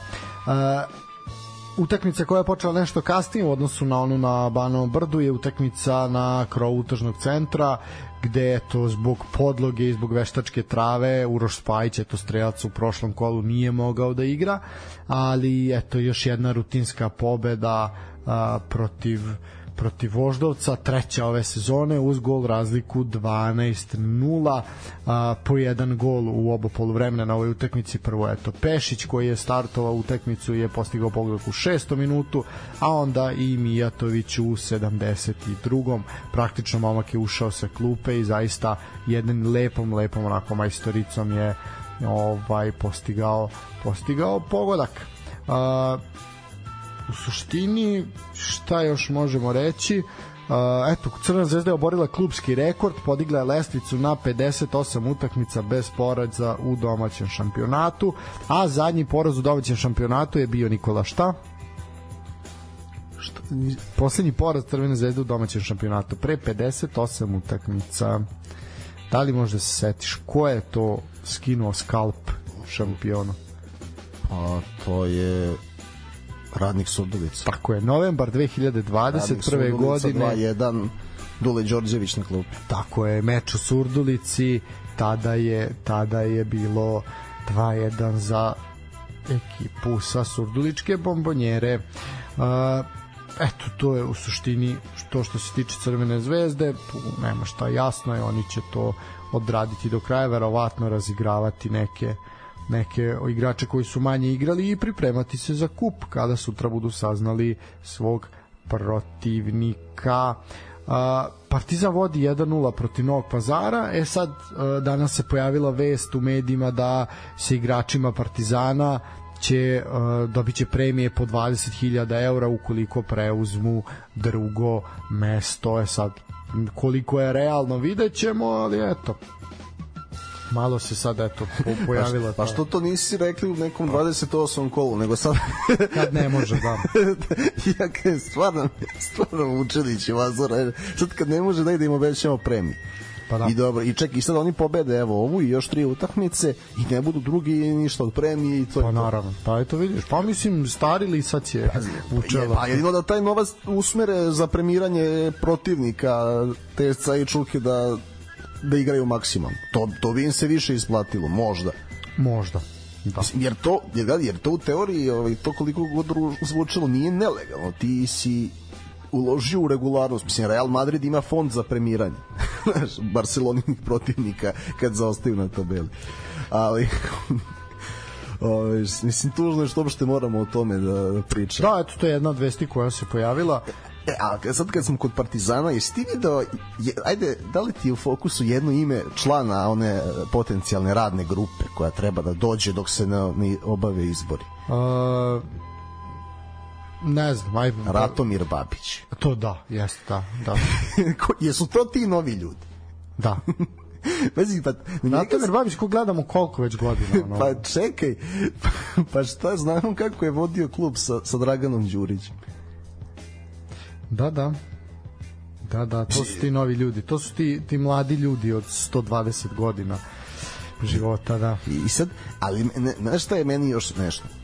Znači, kazi oko. Uh, Marko Nikolić je bio trener pod upravom Dragana Đurića u jesen 2014. godine. Promeni se uprava. Ljubiša Tumbaković je tada podpredsednik zadužen za sportska pitanja i Dragan Ćirić postaje sportski direktor kao, znači dvojac koje Marko Nikolić odgovara je Tumbaković Ćirić. po završenoj polus i pre početka prolećne polusezone pojavljuje se vest da Ljubiša Tumbaković smenjuje Marka Nikolića i dovodi Ivana Tomića za trenera. Zbog velikog negodovanja navijača, čovek koji je do tada dobio dva, a kasnije znamo još tri derbije, uglavnom čovek koji je dobio a derbija ostaje na klupi na proleće nekoliko prvih nekoliko kola, ali šta se dešava? Dešava se to da sportski sektor i uprava nisu obezbedili zamene za Lazović i Škuletića, u prvih pet kola neke čudne reakcije defanzivaca Partizana, ona utakmica sa Voždovcem 3-3, mislim da Marko Nikolić prima kod kuće tri gola od nekog, jel? I Marko Nikolić odlazi iz Partizana na opštu radost Ljubiša Tumbaković. Kada smo se mi neki malo raspitali šta iza toga, odgovor je bio uh, Vojislav i Novak Nedić onda uh, ista ta dvojica su tada u futbalski klub uvela Ostiju Milovića koji je paralelno bio član upravnog odbora futbalskog kluba Borac Zapisujte, zapisujte. koji je ugašen pa je FK Provo preimenovan u Borac Tako Čačak. tako. Pa je onda, i sad gledaj sad ovo, znači Marko Nikolić odlazi. Onda 2016. godine ta garnitura, znači Tumbaković odlazi još ranije, Da, da. pa onda odlazi familija Nedić, pa onda uh, odlazi Ostoja Milović zato što su ga pravno po nekom osnovu, ne može da bude član Skupštine i borci Partizana, teraju njega i vraćaju, pazi sad, Vučanić i Vazura Namin, tada Zečević i Ćurkovića vraćaju Marka Nikolića. Ne, ne, nismo te mi terali, terao te Novak Nedić. Marko Nikolić osvaja duplu krunu, na opšte nezadovoljstvo tada te takozvane opozicije kako se ih oni zvali.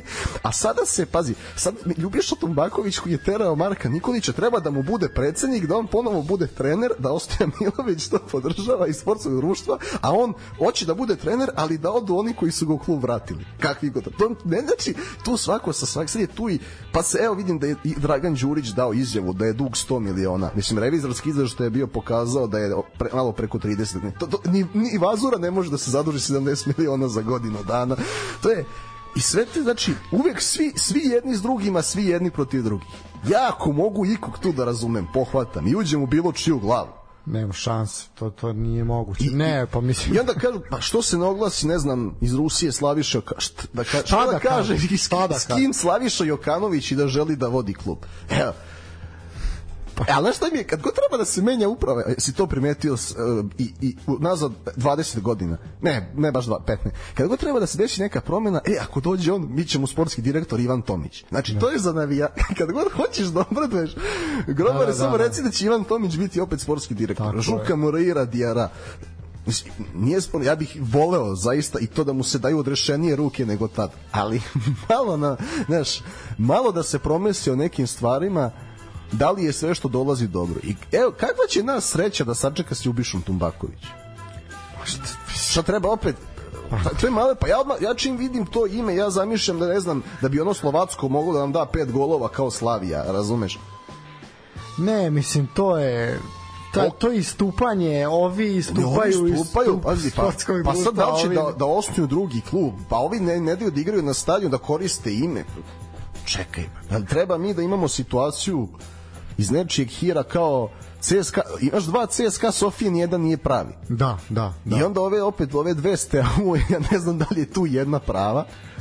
E, pa onda znači Pa ne, mislim, pritom da, onda, ali naj, onda do, sve to u redu, onda dođe APR i poništi sve odluke. Ne, e, to sam htio, znači, pošto sad, e, naravno, imaš stvarno zlikovce u klubu i imaš kao neku drugu stranu koju su navijači prihvatili.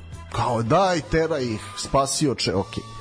I sad, pazi, ovima su odbili istupanje, a ovima su odbili njihovu smenu i šta, mislim, znači oni ne mogu jedni i drugi dokumentaciju da podnesu znaš, a to je znaš, način poslovanja kluba u poslednjih sedam godina jednih i drugih je sve na divljak Tako je. nebitno sa kojim budžetom u ko, datom momentu ko je trener, koji igrači se dovode ne, to je sve mnogo divlje i ovo, pazi, ja ovaj pa- ja nisam plaćao porez šest godina pa će sad navijači to plati Pa da, pa mislim nije ništa bolje ni druga sekcija, nemojte da mislite da da, da sad nešto su ovi bolji, isto je to sve isto. Za, zapravo, znaš, znaš koji bih ja scenariju voleo? Znači da, da si kad moram tako da kažem, znači da Milorad Vučilić dokaže da su oni nelegalno oteli sportsko društvo kao ono za one pečate i ono i onda da ga stigne starost uredno Aha. I da se pojavi treća strana silom prilika. Mislim da to da, da, to, to, bi je najma, to je bila ideja, to bi idealan scenarijo, da, ovaj ili ta eto, u ovoj seriji pomahnitali ubica neko uleti u, u upravni odbor fudbalskog Partizana, ali Pro- dobro. Problem je to što ne, ne drže više sednice zajedno, ovaj, Da, ne da. svađaju se, inače bi to bilo onako... Ne, da, zaista. Ne, Ne ne, Evo rekli su, šalju poruke, kaže nemoj da prepričavaš Željka Pantića. Malo podsjećamo, malo ovaj se... Pazi, ali, ali te, to su činjenice da su, znači, ko se Da. s kim lizao i ko se s kim sukobio. I oni se samo rotiraju, znaš. Jeste činjenica, to, to zaista je tako. A, Mislim, oni su svi prepisali patent od Toleta Karadžića, oni što ga najviše vređuju da mu posle postanu potpredsednici. Da, da, da. I onda normalno se će se urušiti se, pa mislim ono. Ovaj Partizan ima ozbiljnu šansu evo u 63. minutu Ricardo je pucao 1:0 je. Mislim Novi Pazar je došao u Beograd sa dosta kilovim sastavom jer su momci zaradili neki stomačni virus i dosta ih je van van sastava, međutim i Partizan je oslabljen. Kaže Parti, danas naslov Partizan je oslabljen neigranjem Filipa Jovića. Aj, me živote ono kad je neko oslabljen neigranjem Filipa Jovića, ali dobro, ajde. O, Ne, ovaj, nije ni Filip Jović, a, Nemanja Jović. Nemanja, izvinjavam se. ne, ostati, ne, znaš zašto? Zato što ti je ostao jedan Filip, prethodni Filip sa levog Da. krila i, i aktuelni Jović. Da, da izvinjavam se, Nemanja Jović, Ovaj, da. Kao talent od kojih sam mnogo očekivao. Da, e sad, uh, sutra se igraju dve utakmice. I sutra se igraju utakmice, uh, sad počinjemo izgleda sa tim da se utakmice play-outa igraju u istom terminu, što nije loše s obzirom na ovo šta se dešava i da se sad tu zakuvava, tako da će utakmice između mladosti i iz Lučana i radnika iz Surdulice biti odigrane sutra od 18 časova i 15 minuta, dok će u Kruševcu napredak dočekati radnički iz Niša takođe od 18 časova i 15 minuta. U suštini Kruševac treba da dođe do bodova da bi matematički opstali, a mladost, radnik i radnički niš se bore za goli, goli život. Tako da sutra od 18.15, ako nemate šta pametnije da radite, ispratite duel u Lučanima, ja verujem da će on biti mnogo, Morao bi, da, morao bi da bude intenzivan. Onako. morao bi. Ovde što se tiče Kruševca, to prepisujem ono što je Janko tipovao, reći ću da to, mislim da tu napredak mora da dobije. Da tu, da, ja ne vidim kako će Dragan Šarac pobediti ikoga. U Eligi mislim da Dragan Šarac ne može da pobedi nas desetoricu koju se utorkom od... Zemljač. Pa, za lepo me rekao.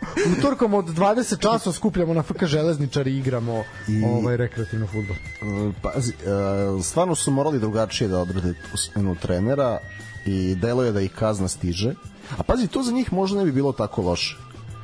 Znaš, U, na kad su- dugoročnom planu, za- apsolutno, da. da. ali da se malo ra, porazmisli kao što su recimo porazmislili u Newcastle i Aston Villa pa vratili stabilne prvoligaše. Malo sad pucaš na visoko, ali Pa ne, dobro. da, dajem primer, hoću ti kažem, malo neko mora da reaguje, da, da napravi drugačiju organizaciju tamo, kakva god ona bila u ovoj državi.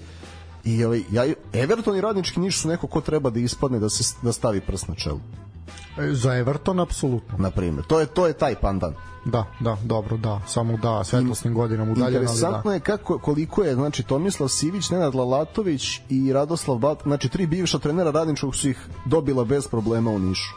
Uh, ajde mišljenje, ono što se pro, provlačilo kroz medije, da li je Radoslav Batak najpocenjeniji trener u Srbiji? Pa znaš kako, to je sad pitanje ako bi ako ostane u Vojvodini, e, ok, on je dobra šok terapija dva puta. Ako, ajde da vidimo kada odradi pripreme, znači ja sam sad da, da opet nemoj da Vojvodina sad nešto menja, da ga ostave da radi prelazni rok, da napravi igru za Evropu, znači kvalifikacije Liga konferencija ako ne osvoje kup i onda da ga oceni. Očigledno je dobar u ovim Sam Allardyce varijantama u sred sezone. Jer je, eto, izvukao je radnički na četvrto mesto, na, na primjer.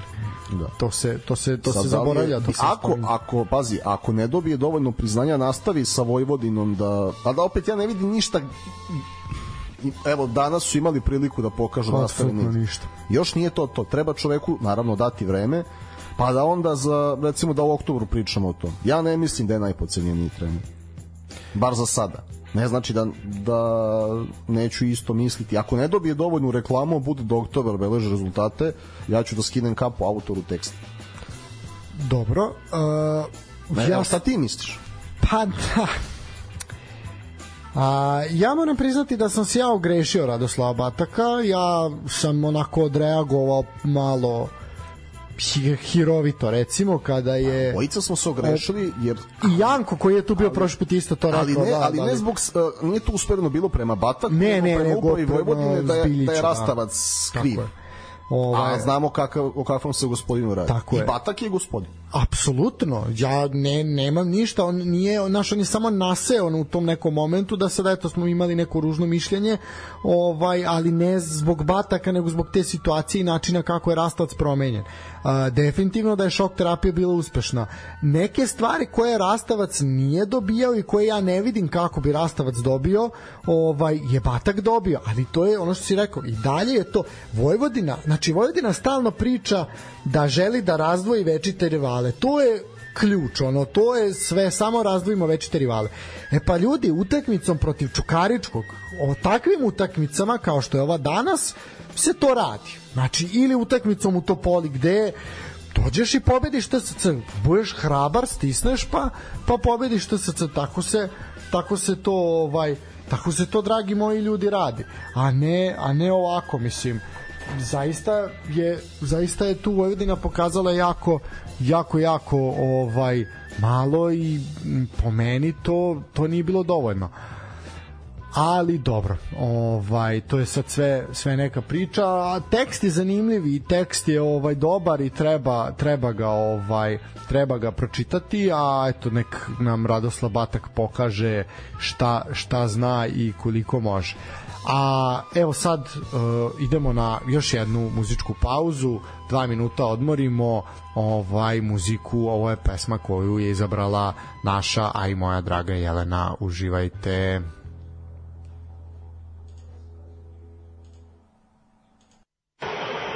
Četvrta je Botswana za koju nastupa Mao Toan. Mota Mao Toan, no, u kako ima i prezime. Baš bih volio čuti stranice kako bi ovaj govorio.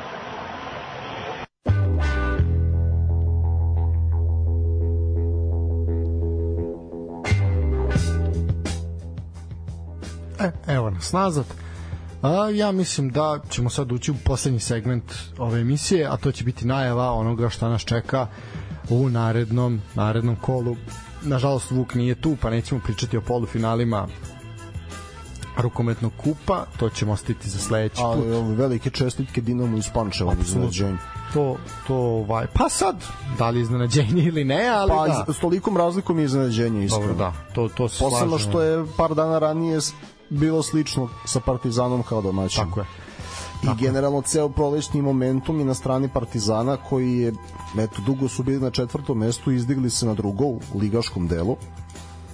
Međutim, Dinamo je ovo stvarno u svojoj hali odigrao i Tako je. Misliš, s druge strane, Vojvodina to ne, po Dinamu želimo trofej i da pokuša u tom finalu da iznenadi da bude to što neizvesnije kao outsider. Tako je. Vojvodina se ne uzimala trofeja, pa se ne uzimala poslednjih godina. Da. Uh, e sad, uh, znači... Možda je ovo 30 početak Možda. Markovićevog rada o kojem smo pričali ovdje i sa Sretenom. Pa, možda, vidjet ćemo. Moram priznati da sam gledao utakmicu između, sad kad smo već pokrenuli tu temu, ovaj, gledao utakmicu između uh, Vojvodine metaloplastike i da to su onako bila jedna baš poprilično tužna utakmica gde eto ni šampion baš nije pokazao neki šampionski kvalitet jesu bili bolji jesu pobedili ali nekako je tu nešto nešto falilo ali ja se sve nadam da i verujem da se Vojvodina sprema za to istorijsko taj dvomeč ili finalni sa svojim Norvežanima ovaj koji ćemo svakako ispratiti al do toga ima do toga ima još dosta. Uh, 35. kolo uh, ili ti peto kolo play-offa i play-outa počinje 13. to je subota subota u 16.30 Čukarički na Banobrdu dočekuje Novi Pazar E sad, ovo će biti, da kažemo, još tri kola ima do kraja. Ovo je prvo od ta tri, Čuka na Novi Pazar. Tačnije, Novi Pazar dolazi Čukaričku. Keci domaćin daje dva, mislim da, da je nemino. Dobro. Uh, pa ja ću prepisati, mislim da tu ne, ne. Sve, sve osim toga bilo bi debelo iznenađenje. Uh, Crvena zvezda Vojvodina. Vojvodina, je zadnja dva pu, da, zadnja dva puta ima nerešeno na Marakani. Ima. Da. E sad, ajde vidimo. Da li može i treći put? Pa Vojvodina može. Nije sporo da li Vojvodina može. Vojvodina može svakoga da ugrozi. I u Evropi Vojvodina verujem da može mnogo. Ali ja bih ja bih ovde išao pa ono moje kad je Zvezda u pitanju 1 do 3 oba poluvremena. Mislim da su golovi neminovni da Ja ću staviti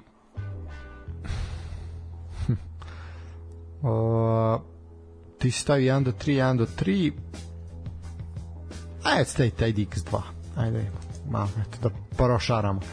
Uh, to je 18.30 20.30 u subotu. Eto ako u subotu ne planirate neki izlazak 20.30 stadion TSC arena između top Bačke u susret između TSC iz Bačke Topole i futbolskog kluba Voždovac Pa, Novi Sad nema više mnogo lokala na ko, u kojima bih ja radije bio nego uveče u Topoli, tako da ti razmisli.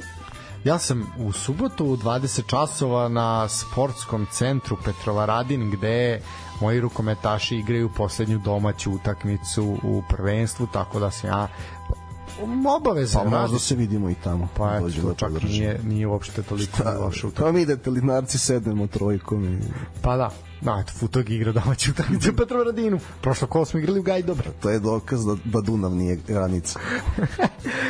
Da, E, TSC radnički te se voždac. TSC Voždovac, izvini. E, Keci 3+. plus. Ne. Iskreno.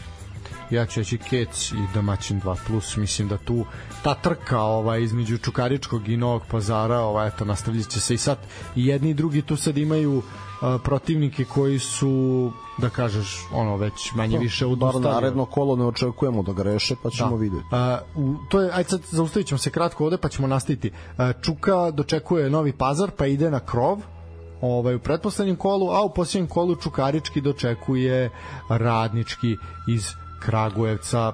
To, To, to će biti odlična utakmica i to je bila odlična utakmica sa pet golova u regularnom. Tako je, tako je. E sad je tu veliko pitanje m, što se tiče TSC, jel iz ugla TSC ako pričamo, a, njima bi bilo idealno kad bi Čuka, kad bi Čuka kiksnula. Ovaj, da ne mora da se odlučuje u tom poslednjem kolu, jer do tog poslednjeg kola, kao što smo rekli, TSC dočekuje Voždovac, pa ide u Novi Pazar, sećamo se onog kiksa u Novom Pazaru TSC, ali to se teško da će se ponoviti. I poslednje Da, kolo... ali pazi, igra u Novom Pazaru, Novi Pazar je napravio tu tribinu, pre- ne, e, Pazar izuzetno loše dolazi na gostovanja, ali neće, teže ti da ideš u Pazar nego na krov. Naravno. A Trenutno. Posle, posle pazara TSC dočekuje Vojvodinu u tom poslednjem kolu svi znamo šta se desilo prošli put.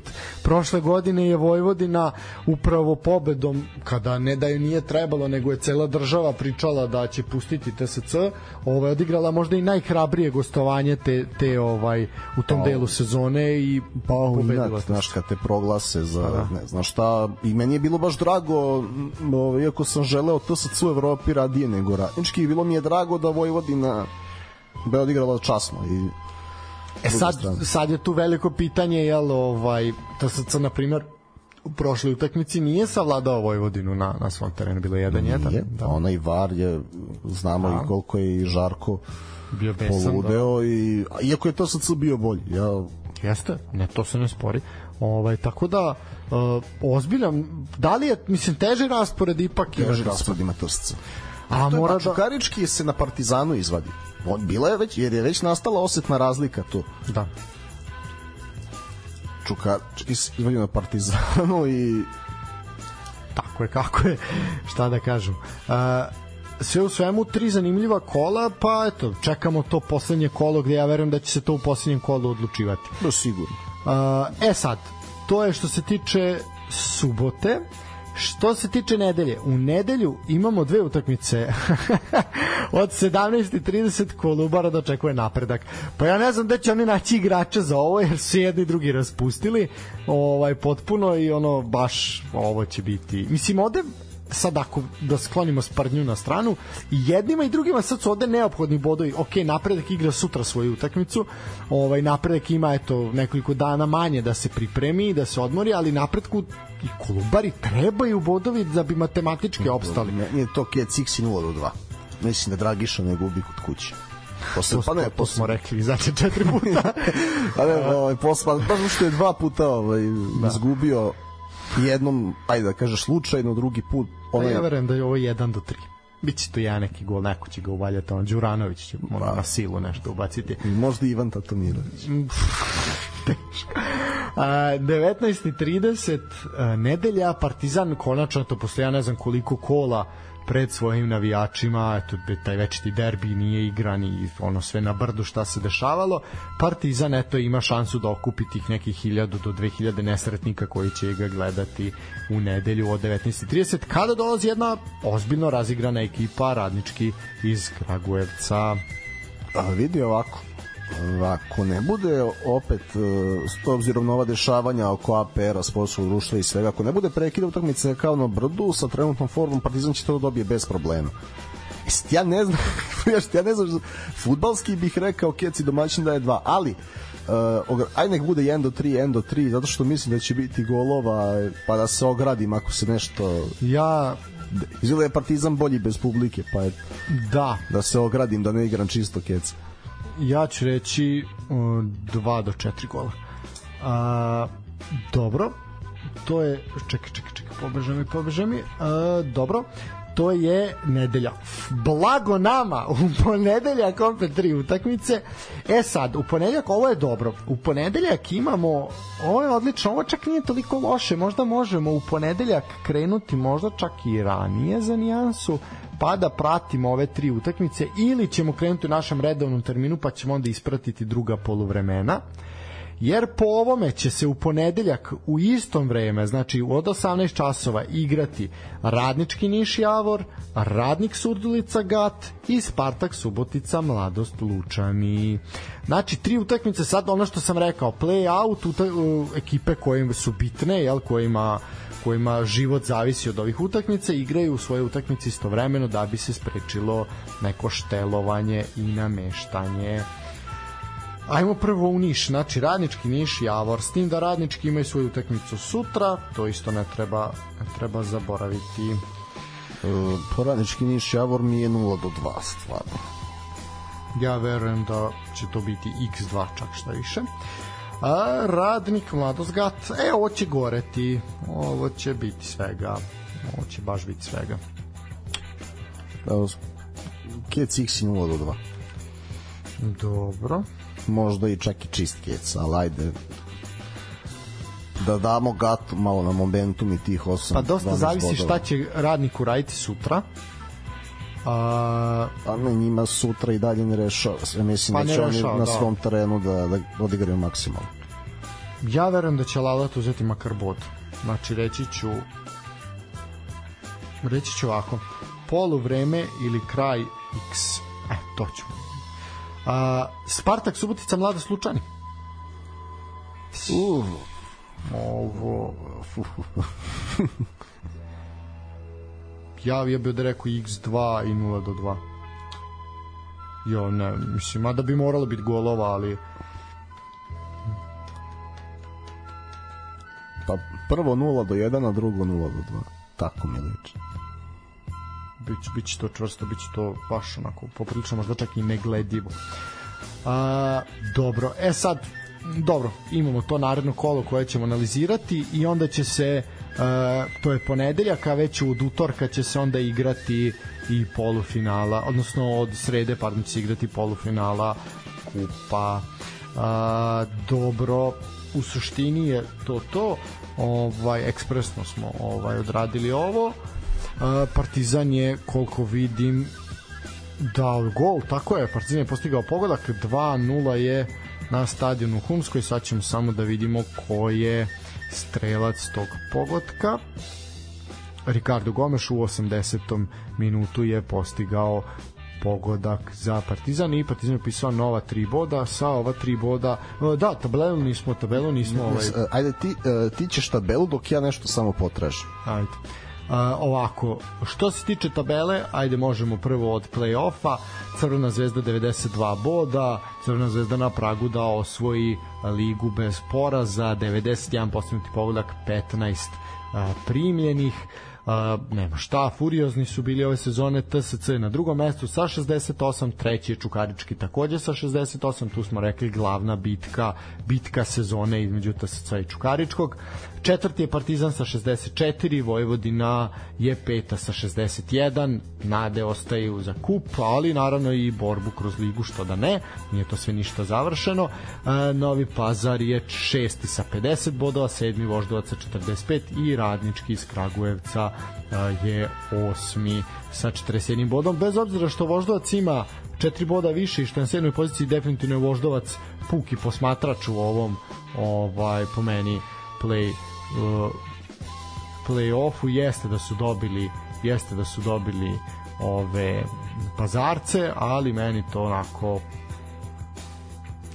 meni to više više mi je nekako pokazao radnički iz Kragujevca i koji je skupio manje bodova. E sad, uh, što se tiče ove lige za bedaka i lige za goli opstanak, tu je napredak sa 37 prvi, koliko ima Kolubara, takođe 37 i u naredna dva kola i oni bi morali da i matematički ovaj obezbede svoj opstanak da ne dovedu sebe u problem, a to je vrlo izvesno ako ovako nastave. Uh, pre Kolubara možda nego napredak, jer je Kolu, napredak i u zabeležio neke pobede u play-outu. Uh, treći je Javor sa 34 koji je glava je tik iznad vode. 12 je Spartak sad 32 boda koji je to vezao nakon dve pobede ima jedan nerešen rezultat tako da je svakako taj moment sa Milanovićem je dao dao rezultata. Radnik se podigao na 13. mesto i sada ima 30 bodova, eto u zadnjih pet kola imaju tri pobede i jedno nerešeno. Lučani su uh, da kažemo drugi koji su u tom momentu baraža, a prvi iznad, iznad crte za direktno ispadanje sa 29 bodova, koliko ima i radnički iz Niša koji je u mnogo većoj katastrofi nego, nego Lučani, iako imaju isti broj bodova i veće šanse imaju da ostanu tu gde su. E sada, Gat je ovaj, jeste pet kola bez poraza, sve to što je Lale rekao stoji, ali oni imaju najmanje bodova, oni su za bod manje od mladosti iz Lučana i radničkog iz Niša, a dva manje od Surdulice. Tako da, eto. Šta, Azi, oni ne smeju da ne, znaš kako, mladost iz Lučana je bila bolje plasirana i u regularnom delu. Koje? Što... Gat mora biti bolje plasiran sa veći broj bodova, ako mislim. Pa da, znači ne možu, znači u poslednje kolo čak da bude plus 3, ne računa se međusobni, znači pobeda ne bi značila ništa. Moraju da se zadrže na ovoj razlici od dva boda u naredna dva kola i da onda pobede Da, mislim što se tiče ajde radničkog iz Niša, što imaju... opet ne garantuje ako se zbog ostalih rezultata da neće da ispadnu dve mladosti zajedno. Tako je, da, mislim podprilično je sve otvoreno. Što se tiče Gata, oni imaju gostovanje Surdulici kao što smo rekli, pa imaju da čekaju napredak i poslednje kolo koje ja verujem da će odlučivati, a to su Lučani ovaj u gostima. E sad što se tiče upravo tih Lučana, ajde na primjer koji su direktni, oni imaju utakmicu protiv Radnika sutra, pa imaju gostovanje Spartaku, pa gostovanje u Ivanjici i posljednje kolo protiv Gata kao što sam rekao. Znači ozbiljna će tu borba biti. Radnički ide u Kruševac, pa mu dolazi Javor, pa mu dolazi Subotica i u posljednjem kolu zanimljivo igraju protiv Kolubare. Znači Radnički može da izbori opstanak realno u posljednjem kolu protiv Kolubare. A pazi sad situaciju... Ne daj, Dragiša. A pazi sad situaciju, Kolubara može sebe da dovede ovim, da im to posljednje kolo treba za opstanak. A ovako, ako ne pobede napredak, Znači, poprilično će poslednje kolo biti zanimljivo. Ja ne, vazi, moj predlog televizija Rene Sport jeste da bude multiprenos. Pa ja mislim da će i biti, s obzirom to je bio do sad, do, kad su se igrale ovako utakmice istovremeno, to, to jeste bilo, bilo... Ne da bude, ali onako baš da se, da se napale kao za Premier League. Pa, da su pametni, uradili bi tako nešto. E, ali... zamisli, zamisli multiprenos e, na areni sa Zvonkom Mihajlovskim i Lazom Pakosom posljednje kolo. Uf, pa dobro, to sad neće, to, to su neki vlažni snovi koje ovaj ćemo ostaviti za onako neke naše maštarije. Ali da, zašto da ne? Vidi, možemo i mi napraviti multiprenos ovde. Da, mislim, ako ono... Se, Pazi. Ako nađe, pa što da ne? Što možemo eto, to uraditi. Ima nas trojica Pazi. ovde pazi, znači da, ali moramo znači, da se opravimo tehnološki adekvatno, da bude sve znači da se i pojedinačno i sad vidimo kako će to arenina programska šema da uredi da li će biti tri utakmice na različitim kanalima, koliko četiri Ali pazi, eto ti veliko finale sezone da napravimo tako što ćemo ispratiti poslednje kolo ovaj u lajvu i bukvalno tako odjavimo sezonu. Možda posle još jedno ono krici i odjeci i doviđenja Da, na godišnji specijal i- specijal i doviđenja na godišnji odmor. Pa dobro, ima ljudi koji bi došli kad se završi. Pa ima baš zato, baš zato da sa njima ostavimo to to na kraju, a mi ovo uradimo. Eto predlog ako vam se ovo sviđa, Ne, ne, a ne, ovaj, dobro, to ćemo mi, ovaj, Pa ne. Tako da nisam znao kad si planirao letnju pauzu. Pa vidjet ćemo, mislim, da li će biti letnje pauze ili ne, vidjet ćemo, mi ćemo gledati da guramo, ovaj, e, možda pa to. ćemo eventualno da, ono, jednu ili dve nedelje odmoriti, ali u suštini vidjet ćemo. Sad tu sve zavisi, možemo nadoknaditi neke stvari koje smo ovaj propuštali, pa malo da dovedemo neke ljude da malo pričamo o svemu, ali onako, malo ćemo definitivno sad kad se ovo smiri i malo ono skloniti s temu Superlige Srbije i komentarisati ove ostale stvari. Što da ne? Pa Ima Roland Garros, ima Pa ima nešto će se gledati, bilo krunisanje. Šta sad nešto ćemo ovaj komentarisati.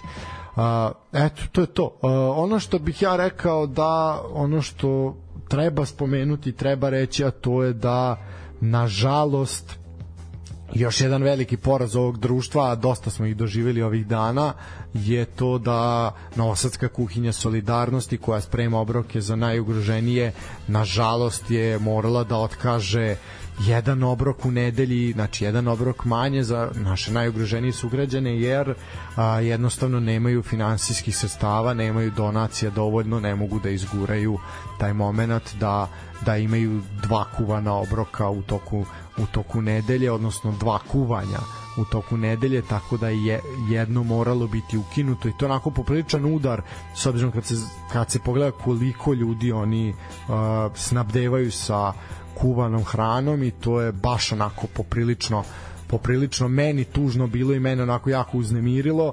Dosta naših drugara volontira tamo dosta naših drugara mm, razvozi hranu po gradu ovaj stvarno na onako baš baš našim najugroženijim ugroženijim sugrađanima.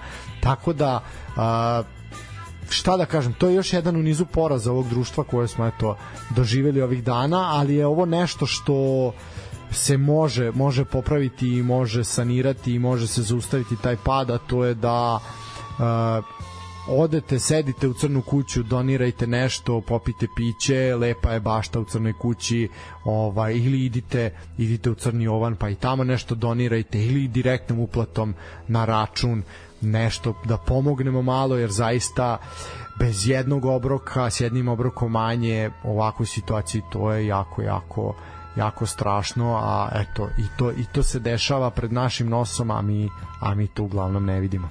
Tako da eto, to je neka poruka poruka za Ja kraj. samo mogu da obećam da ako jednog dana mi budemo uticajni, da mi nećemo ovo dozvoliti. To znam sigurno, mislim da govorim u ime obojice. Ma da, apsolutno. A šta da kažem, ajde, na navijače drugih klubova ne mogu da utičem, ali evo, navijači Partizana nemojte da dajete Ostoji Miloviću za porez, nek se snađe da ga plati, a vi lepo donirajte Ma da, solidarnosti, ima- nešto toga, jer pa ne, ljudi su spremni očigledno da daju za to nego za ovo. Pa, ja nismo. Ja Ali- ne, ne, ja, ja sam pitali su me ljudi, ja sam rekao da da mi zaista ne pada na pamet ovaj i zaista Ne, ću ovo, ovo je problem kojim treba da se pozabavimo takođe. Tako da ja sam sad naveo jedan aktuelan primer. Ima mnogo apsolutno je stvari, primjer i na mestu tu ne mnogo stvari što, zašto će ljudi pre da izgleda nego za ovo ili za neko lečenje ili operaciju? Tako da ću Znaš. umesto da tradicionalno vas pozovemo da nama donirate neki dinar, evo ovaj put vas pozivam da uh, prvo sledite to sve što ste hteli nama, mi ćemo se odreći ovaj drage volje i uplatite kuhinji solidarnosti. A i njima ono je što ovaj moment. pa i da legne nama mi bismo pa prosledili naravno. Ovaj tako da to je to je negde to je negde naša naša poruka za kraj ipak uh, ne možemo sedeti skrštenih ruku nego se moramo moramo boriti za za naše društvo, za naše gradove, za naša sela, za naše sve, jer ako se mi kao pojedinci ne budemo borili, neće se niko drugi boriti. Tako da, I, I onda nemojte da se zgražavajte narednom katastrofom. da, jednostavno niko, ne, naš, ni ne gledamo, ne, ne vodimo računa, bezosećajni smo, fasciniramo se nekim drugim stvarima, šta da radimo, tu smo gde smo, ni, naš kao, najtačnija ona rečenica, kakav, kakav narod, takva država, takva vlast, tako sve, sve smo mi to zaslužili tehnički, ali To počeo si veselo sa var, var, var, ali sa Ne, pa da. tužno. Pa nije tužno, ali znaš, nije tužno, ali definitivno ono što si ti lepo rekao. Treba razgovarati, ne treba skretati pogled i nemojte biti ti koji će biti najpametniji, nemojte ti koji biti koji će samo reći da bi nešto rekli. Ajde uradite nešto za početak, za promenu. Za promenu. Ne, ali znaš, kako, ljudi, evo, sad mogu otvoreno da kažem da se mi poznajemo od rođenja i da je tri meseca razlike Da. Između nas dvojice. Stari iskusniji. Pa zato i otvaraš emisiju. Dobro. ali, ali, ali i to je znači evo 27 godina sad zamislite zamislite da evo u sve razlike koje postoje po prirodi da smo ti i ja na svaku razliku reagovali kako ti klinci sada reaguju znaš da smo se kako bi se osjećao jedan ili drugi ili da, da se ponašamo tako Ok, dobro, u redu. to, ne, ali smo uvek nekako na kraju našli način i kad da razgovaramo da vidimo šta je rešenje sve to sve to stoji a slažem se ali jednostavno uh, ja ipak mislim da je mnogo veća, mnogo je manja razlika u generacijama između mo, tvoje i moje generacije, ali ista smo generacije, na primer, eto, Janka ili Strahinje koji su 10 godina stariji od nas, tu je mnogo manji jaz nego, sa, nego mi sad sa ljudima koji su 10 godina mlađi od nas. I mi već njih ne razumemo i taj njihov i način i ophođenja i razmišljanja i nama već to nije jasno i jako je to jako je to teško razumeti šta se odvija u njihovim glavama pritisak tehnologije s kojima se oni nose od ranog detinjstva, a ne znaju, ne znaju kako da se nose s tim. Sve to ima, sve to ima uticaja. Sve to njih bombarduje, ali jednostavno tu smo svi mi, svi mi zakazali jednostavno dobro si rekao nemojte se čuditi ovakve stvari koje se dešavaju to je samo prva u nizu. Ja, ja se nažalost plašim a verujem da se to neće da to nije izolovani slučaj koji će se dešavati. Ne, ali kad, ti kažem, kad sam, ovaj, lepo roditelji, kad smo bili mali, pa se ne, neko, ovaj, znaš, ne, posvađamo se ili neko nekom šutne slučajno loptu u tortu, ovaj, bilo i takvih situacija. Ostave te bre u sobi dok ne pričaš, dok se ne pomiriš. I onda kao, jeste, jeste se pomirili? Jesmo. Ali smo se stvarno pomirili. pa da i ide se i ide se dalje I u tim Ovaj. godinama ka, i manjim nego ovi nejdžeri, a- a kamoli kasnije da ne pričam. Tako da razgovor je uvek rešenje. Da, razgovor i definitivno nemojte nemojte okretati, nemojte okretati glavu a, nikakvom nasilju, ništa, bilo kakvim vapajima za pomoć, nemojte na na bilo kakvu ono pojavu nečega nekog nasilja, nečega, bilo čega, nemojte prvo što će biti izvaditi telefon i snimiti, nemojte, nego dajte, učestvujte, ono, ako već ne možete, ono, pozovite pomoć. Budite onaj kojeg će snimiti. Bravo, to je to, sa ovim završavamo. Tako reagujte pa nek snime vas kao heroje. Tako je, s ovim završavamo, to je to, budite vi. Morao sam da dopunim rečenicu da ljudi ne misle da aludiram na druge scenarije. budite vi koje vas možemo reći oko Sokolovo koje radi u Novom Sadu pa od ovih dana je počelo. Budite ti ljudi koje će vas oko Sokolovo snimiti. Ili makar ovi policajčići koji stoje ispred, ispred škole koji su jako simpatični. Me samo zanima ajde razumem da stoji interventna. Šta će saobraćajna policija u školi? Ajme. Pa, pa ne, pa to je ima ona Anđusova rečenica kad priča o, o službama kad, kad je mislio da ga prate ono za, za kablovsko je rekao, a njih je previše za premalo posla i moraš negde da ih udeneš pa nije previše predsednik kaže još 1200 će ih biti zaposleni joj majko Pa ne, mislim, pa mi smo jedna pandurska država i to, to je strašno. A ne, previše smo se razmahali, sad otišli smo u neke teme. Ovo ćemo na letnje pauze. Pa ne, ali Ovo ćemo stvarno, na letnje pauze. ovo je, Ne, ali stvarno, interven... pa ja se odmah, interven... odmah se setim spota Bobana Rajović u istoimenoj pesmi kako glumi hitmena. Pa dobro, Boban Rajović jeste poslužio tvorcima ovaj popularne igrice da glumi ovaj Hitmana. Žao mi je što nije prošao na castingu da glumi u filmu, ali dobro. O, ne, da, si bio, bio je malo, ovaj, malo smo se dotakli. Ne, kad, kad dođe Na leto, način. onda možda ako spotovi, recimo spotovi Mileta Kitića, ja sam dobio poruku, ajde pogledaj ovo, molim te, ja sam zanemeo, ali to možda, znači, kako čovek promoviše sebe, ono, kao supermena, mađioničara i ostalo. Oj, bože, A dobro, dobro, da, da, i on je iz Dervente i Dragan Đurić iz Dervente, to je valjda taj gen uh, samopromocije. To je to. A, ništa, ljudi, uživajte, ovaj čujemo se, čujemo se narodnog ponedeljka u vreme koje ćemo naznačiti. Večeras nema kupeka, da znate, zato smo mi krenuli kasnije. Ovaj on je večeras odlučio da tihuje, a eto mi smo jedni od retkih koji smo ipak se odlučili da da nešto pričamo i da nešto kažemo i da malo razbijemo ovu monotoniju monotoniju i tugu koja je bila bila ovih dana da malo prodrmamo prodrmamo a mislim da smo to i uspeli. A, ljudi to je to uživajte laku noć čujemo se Laku noć. uživajte pozdrav